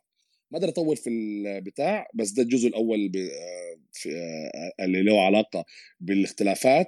أنا مش شايف اختلافات عموما بس لو أنت شايف اختلافات أحيانا بتكون لها علاقة بصياغه الصحفيين للسؤال أو بشكل السؤال أصلا جا كيف. فأنت حاليا قلت جزء من إجاباتي وما شفنا السؤال شكله كيف. الجزء له علاقة آه، بالتحرش. أنا ده كنت قاصد وده دار نقاش طويل في المونتاج مع المونتير ابو عثمان ومع بعض الأصدقاء والمخرجين زي المخرج الكبير يسر نصر الله طلبت إنه يجي معايا المونتاج. فسأل فكان كلامه قريب من كلامك إنه امجد ليه المشهد ده. ما إحنا أساسا ما حنشوف مثلا مزمل بعد ذاك بيعاني من فكرة تحرش الشيوخ بيه مثلا. أنا هنا كان اجابتي بسيطة جدا قلت له أنا كان بيوجع قلبي دائما كل ما أشوف في الجرايد آه، آه، خبر عن آه، شيخ صوفي في خلوة تحرش بطفل وفجأة ما بنسمع تاني إنه هذا الشيخ وصل لأي مكان ولا بنسمع عن القصة دي تاني خالص بتتقفل في مكانها. فأنا حبيت أعمل لمزمل قصة أو مشهد يتقفل في مكانه وما نرجع نسمع عنه تاني. زيه وزي كل الأخبار اللي شفناها في جرايدنا السودانية عن تحرش شيخ خلوة بطفل في الأغلب طبعا بتكون عملوها طبعا جلسة عرب لكن إحنا ما بنعرف اللي حصل شنو. ما بتصل المحكمة ما بتاخذ حقها. فأنا حبيت أرمي بس لحظة لمزمل تشبه ديك. جات في السياق ولا ما جات في السياق بعد ده كله مشاهد يحدد يعني. أنا فاهم إنه أنت ما استقبلتها لأنه كنت مستنيها. يا تتطور يا ما تكون موجودة أصلا. والله أنا معاك جدا بس أنا لو رجع بي الزمن هعملها تاني. آه، أتوقع أن أنا كنت موفقة في أن أنا عولت على رحابة صدرك في التقبل من الجمهور فما شاء الله تبارك الله لا أكيد. لأنه ده اللي معمول له آه. السينما أصلا ما هو اللي بيعمل جرأة أو تناقل تناول صريح جريء لفيلمه. ما مفروض يجي في الآخر ويخاف من مواجهة النقد الح- الحقاني. يعني كلام كلام متبع عليه كلام حقاني جدا ومحترم جدا. فأنا أحترم النوع ده من من النقد يعني. إذا مم... إذا ممكن اعلق عليه. تعليق يا حسن. بس باختصار حسن بس آه، باختصار شديد يا مجتبع. أيوة. باختصار شديد تفضل أيوة. يا تفضل. شكرا ال- الفرق بين ال... بين الجزء بالنسبة للجزء الأول الفرق بين ال- الحوار الأول في 12 يونيو 21 القدس العربي وال... ده في القدس العربي الثاني. كان ب... القدس العربي أيوه 12 يونيو في. في سنة ذاتها. الثاني كان مع هبه الدسوقي آه اللي هي السودانية كان في الاندبندنت الاندب- أيوه يوم 19 اللي أيوة. تقريبا قبل أقل من 14 يوم أيوة. الفرق بيناتهم يعني الفرق بيناتهم تقريبا شهر وأربع يوم يعني ما فرق كبير شديد لكن. حنتقل للجزء الثاني طوالي بتاع أيوة. الحاجة دي مم. في في مشكلة كبيرة الحاجة دي اتكررت مع اتكررت للمرة الثانية بصورة يعني هي بتتكرر كثير لكن اتكررت للمرة الثانية في سموت 20 آه بالإضافة للقصة بتاعت حمور زياد اللي هي بعد ذاك برضه كان في في إشكال بتاع إنه يا أخي هل الرواية. أنا ما عايز أنتقل لل- للموضوع ده لكن بس عاوز أوضح فكرتي أعتقد موضوع أخي لطيف دارك في- في- فيه شوية أوكي اذا اذا اذا لو سمحتوا لي يا حسن أنا معلش حسن ما لا، موضوع تحويل القصة آه. والرواية لفيلم ده موضوع مهم جدا للي بيستمعوا. لا أنا مستوعب الحكاية دي كلها بس إحنا عشان ملتزمين بوقت والسير برضه يعني مدينا فرصة ما وقع لا يا. الحمد لله من قبل. ف ف, ف... بس وبعدين في سؤال أخير جاي فمتى ممكن بس أوكي. الله. خلاص أنا أنا حاخذ اقلب باختصار. أنا أوعدك يا حسن يا أستاذ حسن أنا اخذ اقلب في من سطر دقيقتين بس. واحد يا أوعدك. مصطفى سطر واحد. في- في سطر في اتفضل. طيب في سطر واحد ممكن أقول إنه في نوع من أنواع ال- التمهيد لصيد الجوائز جاي من من- بشكل ما بشكل ما أنا ما حقول ما حتهم اي لكن بشكل ما من تحقير الذات السوداني وإنه يا أخوان إحنا تعبانين وإن إحنا عندنا الصوفية بتاعتنا اللي هو الإسلام السمح ولا الاسلام الصوفي اللي هو مغطي السودان كله فيه المشاكل دي بصورة أساسية. إقحامك للحاجة دي بصورة غير بصورة ما عندها أي علاقة بال- بال- بالدراما اتاثرت في اتاثرت نظرة الم- ال- ال- الأوروبيين مثلا أو المستعمرين اللي قاعد في أوروبا وفي في واحد من أشهر المقالات اللي كتب في تقريبا اللوموند لو متذكر كويس صحيفه صحيفه فرنسية يتكلم عن المشهد ده تحديدا أخذ منه paragraph كامل في مقال صحفي. يتكلم عن انه يا أخي كيف الشيوخ الطرق الصوفية وكيف الإسلام الصوفي في السودان بيستغل وكيف هم ناس ما فعلاً يعني كيف؟ أطفال وبي كتبوا الفرنسيين ولا كتبوا السودانيين؟ فعلا كيف؟ كتبوا السودانيين. لا لا ما, ما أيوه okay. لكن أنا ما عندي؟ مشكلة إنه ت- ما هو فعلا ليش؟ ما أنا ما عندي مشكلة. ما أنا ما عندي مشكلة ما عندي مشكلة في انه؟ لا ما عندي مشكلة إنه ده في لومون عندي مشكلة إنه يت- يت- يتم يتم إقحامه اقحاما داخل فيلم ما عنده علاقة بالموضوع. ما قلت لك جبيل ده, ده, ده بيرجع لنفس تكمل على نفس جوابتك له جبيل الإقحام ده أنا عندي له أسباب. اللي أنت شايفه إقحام هو بالنسبة لي أسباب. فكونك تشوفه إقحام دي تصنيفك أنت لوجود المشهد. ممكن طيب، نص فهمتك صح. لا لا خليني أجاوب. ممكن يشوفوك نص أو ثلاث أرباع الموجودين. عرفت كيف؟ ويشوفوا إنه إقحام. تمام؟ أنا تبريري لي إنه ليه المشهد ده موجود؟ قلته قبيل. موضوع الجرايد السودانية وكيف بنشوف الموضوع ما بنكمل عليه. سواء الموجودين هنا أو الصحافة الفرنسية أو الفرنسية تشوف آه، إنه اقحام ده تمام. هو ما شافوا اقحام بس فلنفترض إنه كده. آه بنعمل شيء للأوروبيين لا تصدق ممكن تتهمني اتهام أسهل أو أوقع. إنه أنا أصلا يعني شو بيقولوا شو في السودان آه مستلب ثقافيا بيقولوها زي تهمه أنا مستلب ثقافيا بطبيعة تربيتي برا بطبيعة ولادتي برا بطبيعة اطلاعي على السينما في العالم كله فاعتبرني مستلب ثقافيا دي أسهل. وأوافق عليها. أما اعملها عشان الجوائز والله انت. عندك خيارات أيوه أيوه بدي اداني خيارات للموضوع فأنا اعملها للجوائز لا لا أنا آسف. أنا آسف إذا فهمت انه إنه في اتهام بتاع استلاف ثقافي أنا ما قصدي اتهمك بأي اتهام لا كان هو استلاف الاتهام ثقافي ولا اي حاجة ابدا اسهل لي لا، لا. مستلب ثقافيا من إنك عامل فيلمك مشروع حياتك وخدت فيه مشاهد عشان تاخذ الجوائز بالطريقة دي لأنه أنا بالضبط كل ما كنا نعمل meetings مجرد أقول You Will Die at 20 Tu mourras à vingt ans زي ما عندك بالفرنسي okay كان في بيحصل نوع من الدهشة. أول ما تقول حكاية الفيلم في synopsis كان بيحصل نوع من الاهتمام. فما. ما محتاجين المشهد ده عشان آه، ونادر ما اتذكر أصلا في في اللقاءات. بتاعت الليمون أنا ما شفتها. بس بس آه، عموما نادر ما يتذكر في اللقاءات. حتى المشهد بتاع ست في الآخر نادر ما يتذكر. كان دايما بيتذكر علاقة الولد بأمه مثلا. كل العالم ركز في علاقة الأم والولد وحياتهم. ما ما حسيت زول ركز. في اللي السودانيين شايفين إنه الناس ركزوا فيه عشان ياخذوا جوائز. يعني ده برضه لو قريت كل النقد العربي اللي اتكتب والأوروبي وأنت شكلك النوع اللي بيقرا كويس. أقرأ المجموعة كاملة بقدر ما تقدر يعني وأنا مستني منك ترسل لي نتيجة بحثك. ما حتلقى الموضوع له علاقة بكده. الكلام أكثر على. على الرؤية البصرية للفيلم على الأداء في الفيلم على القصة المختلفه بس.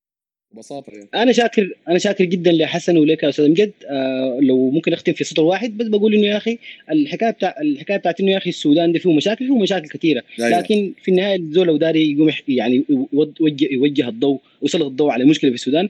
يعني الأمانة السينمائية الأمانة الروائية رمانه الأدب الفن عموما المفروض بس يوجهه بصوره بصورة يعني اديه زمن كافي. لو المش... لو الفيلم مم. كله كان بيتكلم عن مشاكل الصوفية في السودان ما كان يكون مشكلة لكن اقحام المشاكل بتاعت الصوفية بصورة آه، خارج الإطار الدرامي لا كيف هو والسياق بتاع القصة السينما؟ هي المشكلة. من مشكله صوفيه من جزء من الصوفية.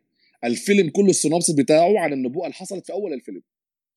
بس كونك كمخرج أو ككاتب تقرر بعد ذاك تتعامل مع ما ترتب عليها ما تتعامل معاها هي نفسها ده خيار خيار تاليفي وخيار اخراجي ممكن يجي مخرج تاني. يقرر إنه يجيب الشيوخ كل شوية وهنا حيكون؟ المصيبة الأكبر إن أنت تجيب الشيخ كل شوية بيأكد على النبوءة مثلا. كان ممكن سكينة ومصطفى أو مزمل يرجعوا للشيخ ويلقوه والشيخ يصر على النبوءة مثلا. أوكي؟ ونمشي بعد 10 دقائق ربع ساعة في الفيلم تاني نجيب الشيخ هل ده كده حيكون أفضل؟ ممكن بالنسبة للمخرج الثاني ما أنا ولا حتى أنا شاكر. زيادة عملت كده فأنا شوية مشيت على القصة كمان المكتوبة إن هي كانت معتمدة على نقاش الأسرة السودانية ما بعد ذلك ما النبوءة نفسها أنا شاكر لردك أستاذ أمجد. و- و- واستاذ حسن والمودريتور الثانيين شاكر لكم جدا. ال- نقطتين ختام الكلام ده. خلاص كفاك ال- خلاص خلاص لا أنا كفاية نسمع كفاية. ده نسمع ناس بقدر الإمكان يعني. كفاية كفاية. عشان عشان عندنا مداخله اخيره عملت لك واسطه قبيل يا مجتبى لكن أخذت الوقت كله. آه، يديك العافية أظن مستمع أظن لي أظن لي من اللطائف اللي حتكون في اللقاء ده بعدين لما يطلع إنه آه أنا شاكر شاكر يا أستاذ شاكر جدا. شكرا لك يا مجتبى حبيبي. الجمهور ال dedicated اللي متابع كل التفاصيل والحاجات اللي قاعد تنزل في الصحافة.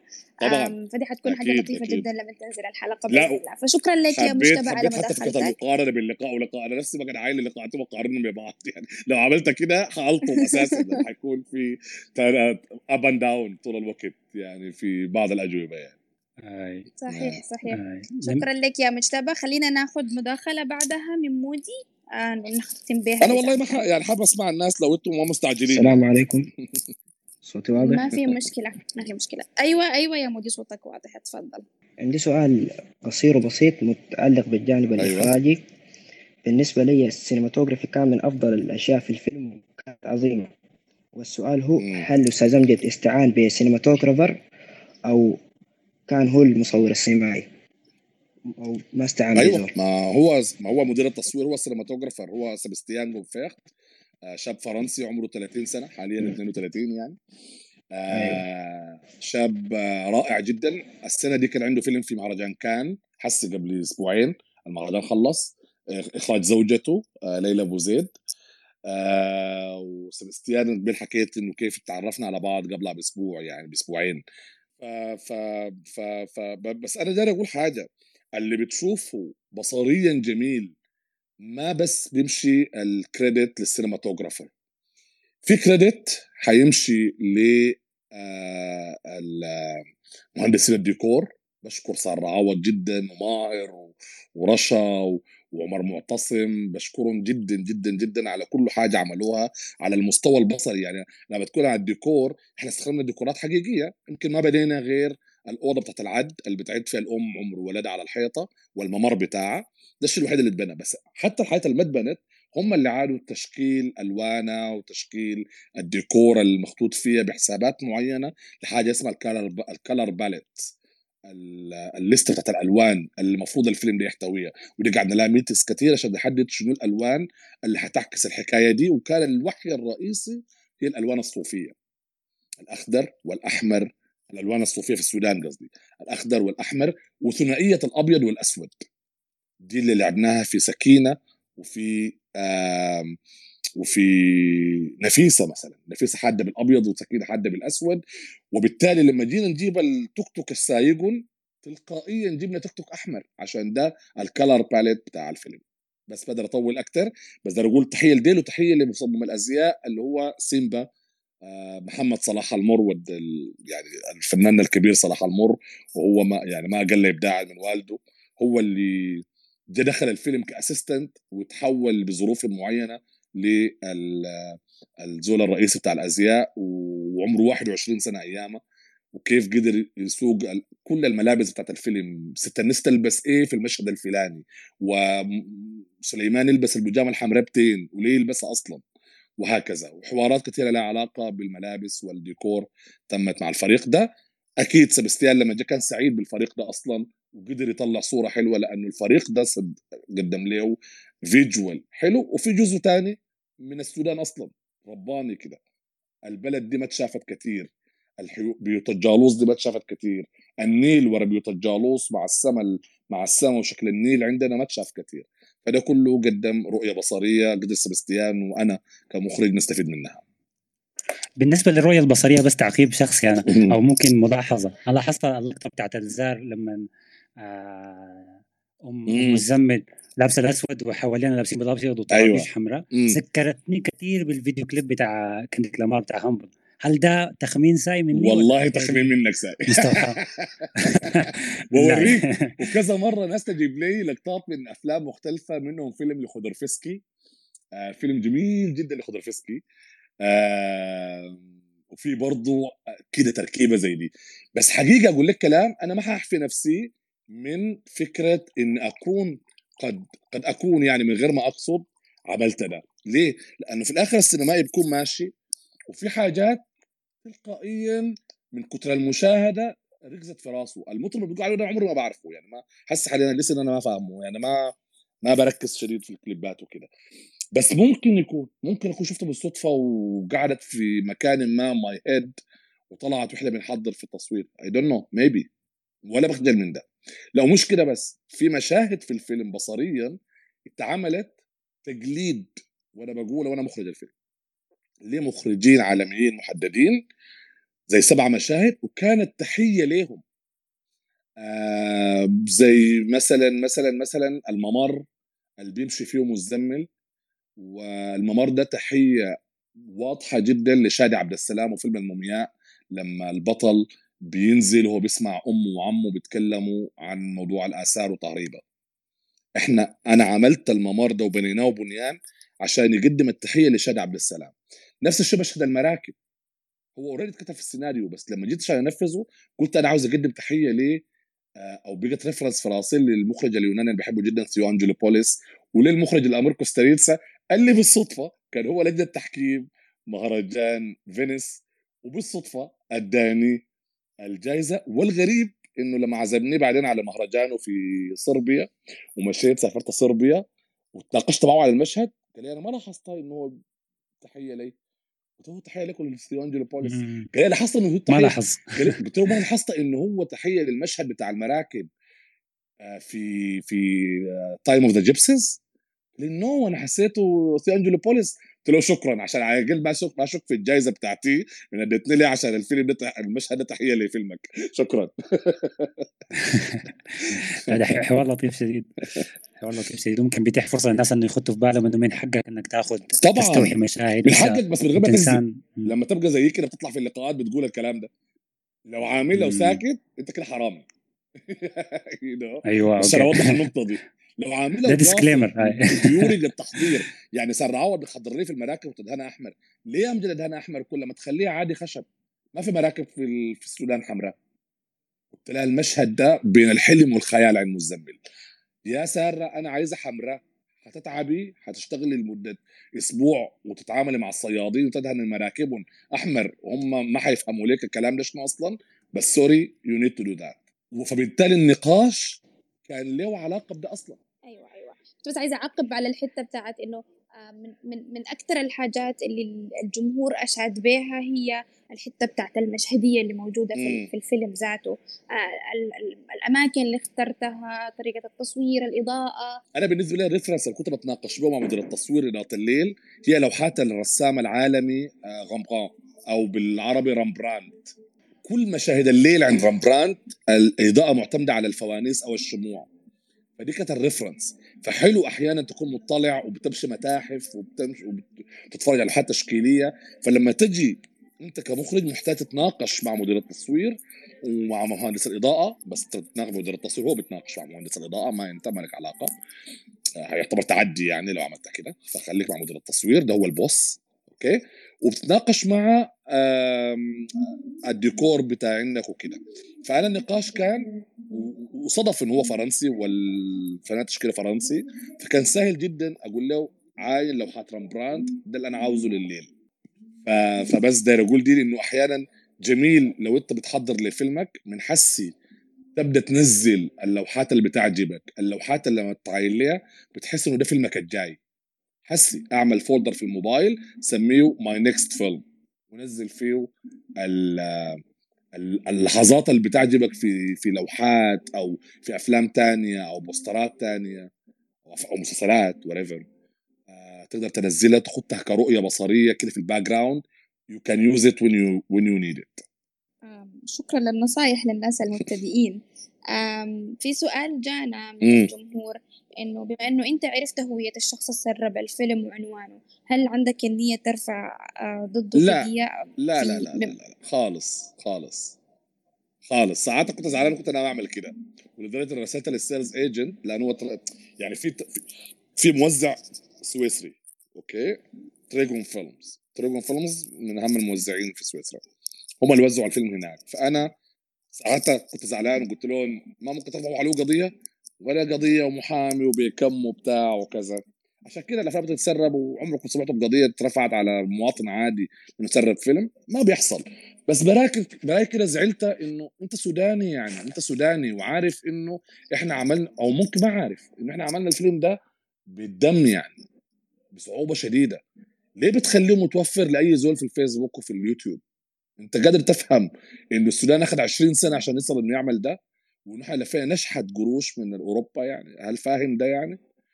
فأنت كيف بتخلي الفيلم متاح؟ عارف الفرنسيين ما رفعوا قضية ليه؟ قالوا لي لو كان مسرب النسخة اللي بالترجمه الفرنسية كان رفعنا لكن دي نسخه مترجمة وبالتالي نسخة عربية وإحنا ما لنا علاقة. فبقيت لوحدي براي كده أنا وال producers اللي معاي و my team يعني we're fighting ونرسل اليوتيوب ونرسل للفيسبوك to fight آه اللينكات اللي بتنزل وعشان تتحذف. لأنه دي خسارة يعني في الآخر.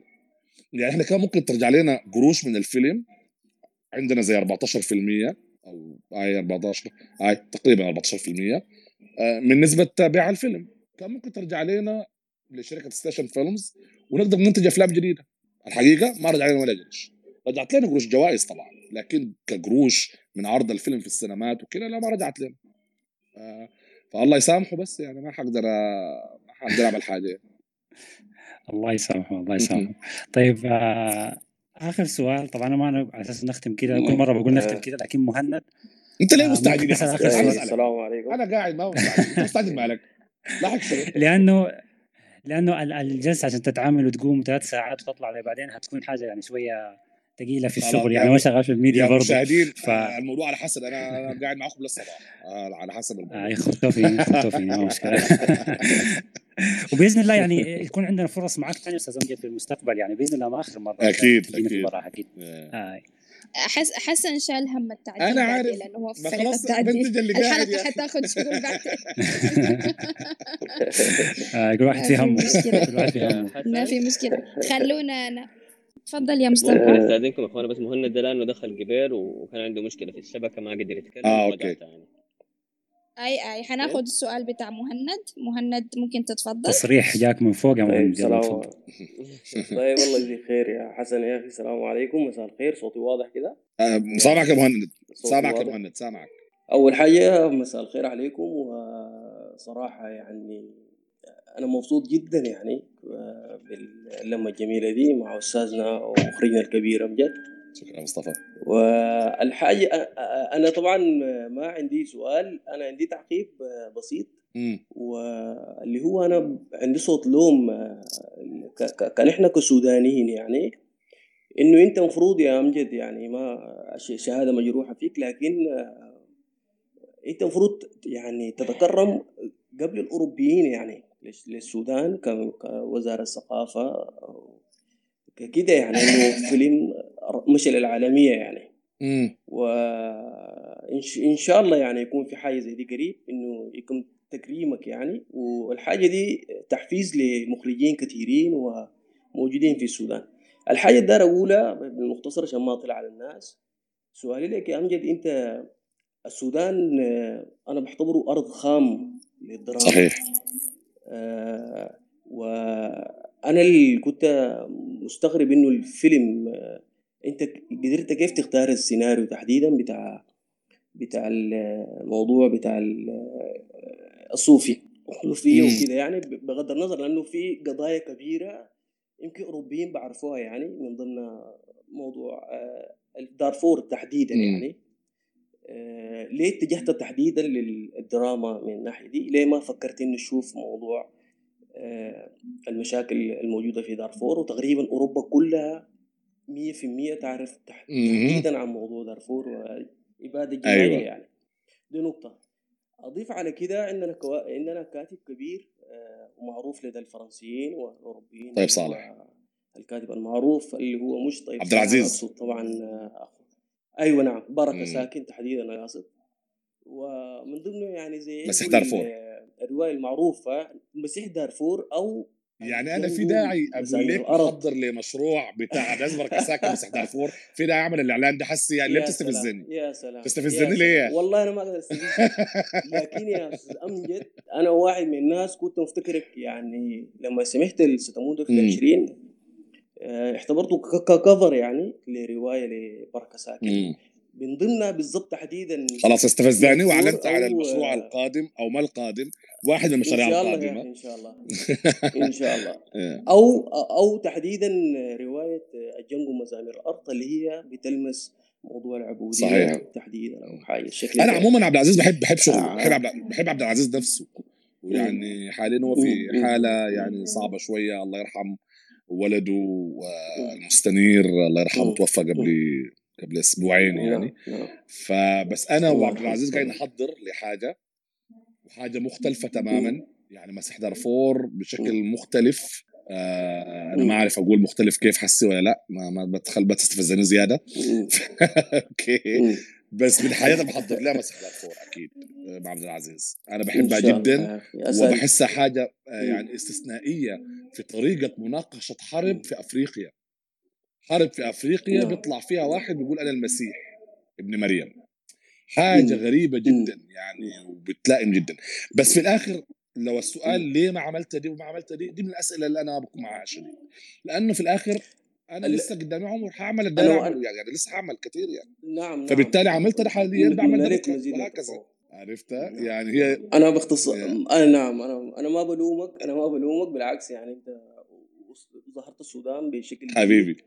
آه باختصار آه نعم يعني واسال لك مزيد من شكرا. والتقدم. آخر. حاجة يا ريت يا امجد يا ريت يعني آه لو تقدر تعمل لنا ورشة في في الخرطوم تحديدا أو في السودان بشكل عام. عندنا كمية من الشباب المصورين المخرجين آه آه يعني محتاجين لورشة. على الأقل تقدر يعني على أنت على المشروع نواياي نعم. يعني للفترة الجاية إن هو شاء ده. الله يا أخي. هو طبعا إن شاء الله. يعني اللي حصل معي في الفترة الأخيرة آه إن أنا وقعت عقد آه كبير يعني مع شركة من أهم أهم شركة في العالم بتدير أعمال الفنانين في العالم CAA شركة أمريكية إدارة أعمال يعني. ودي بتدير أعمال جورج كلوني وجيمس كاميرون ومورغان فريمان وميريل ستريب وليدي جاجا وبيونسي و وستيفن سبيلبرغ. وحاليا بتدير أعمالي برضه. فبقى في مشاريع كثيره طول الوقت بقيت شوية مشغول بالكتابة سواء مشاريع درامية تلفزيونية إن شاء الله قريبا تسمعوا على حاجات لها علاقة بدراما آه، سودانية بس بس بلغة عالمية شوية.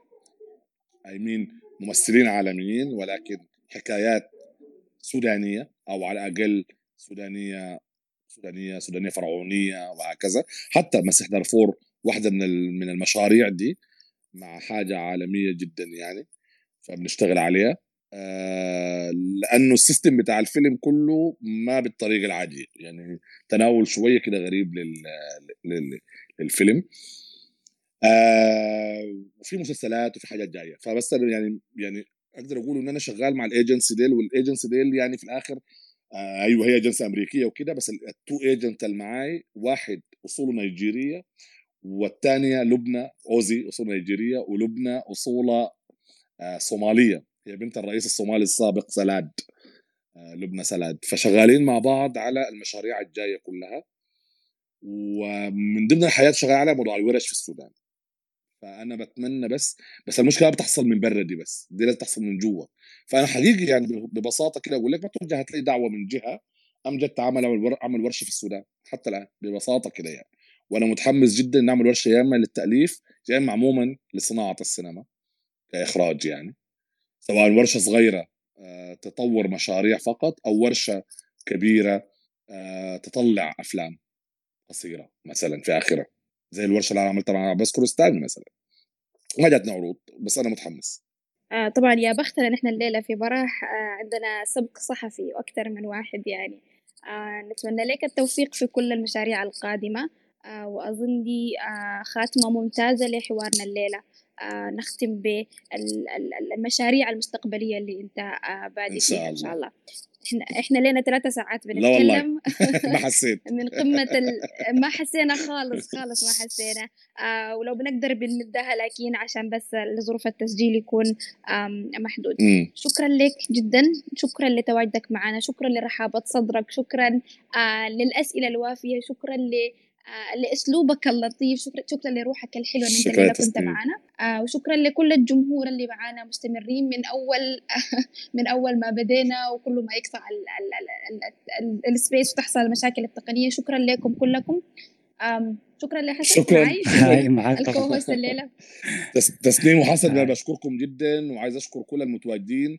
عايز أوجه تحية لواحد متواجد معانا كتاب حتشوفوه اسمه كتاب.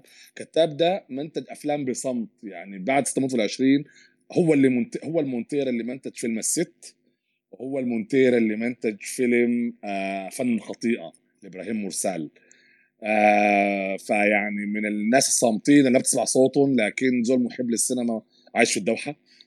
فأنا ب- ب- يعني بحييه جدا. بحييك يا حسن وبحيي تسنيم وبحيي المشاهدين جميعا. كنت أتمنى أسمع صوتكم أكثر بس آه تمام. ممكن ابقى كده في مرات جاية. و... أكيد. وسعيد سعيد عموما بإنه أعمل حاجات مع السودانية. يعني كده بعوض لي نفسيا الشيء اللي ما حصل مع الصحافة والإعلام السوداني بشكل كافي ال- في الفترة الأخيرة.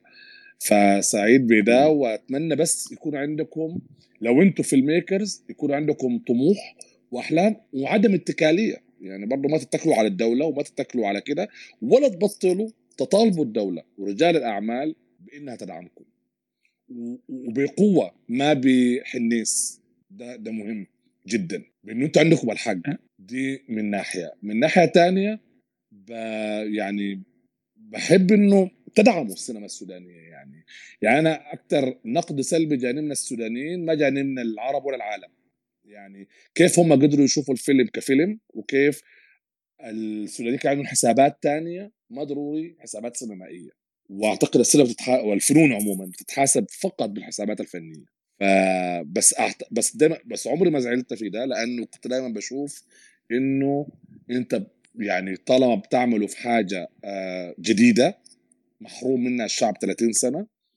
it's time إنه يشوفوا هم ذاتهم يعملوا practice لكيف بننتقد العمل الفني عموما.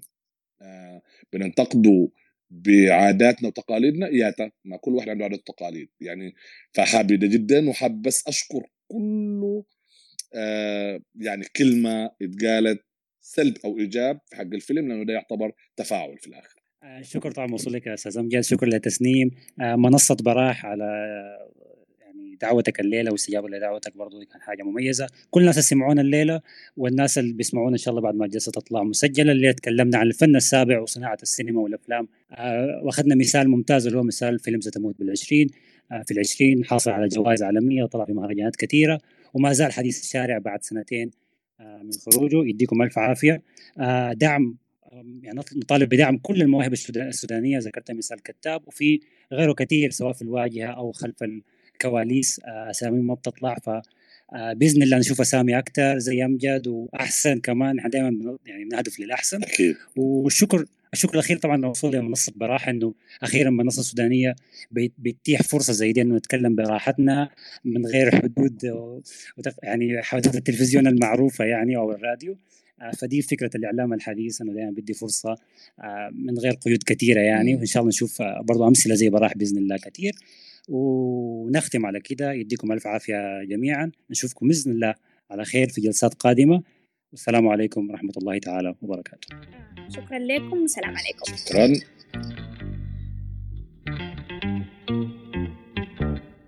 أنتم تستمعون إلى براح.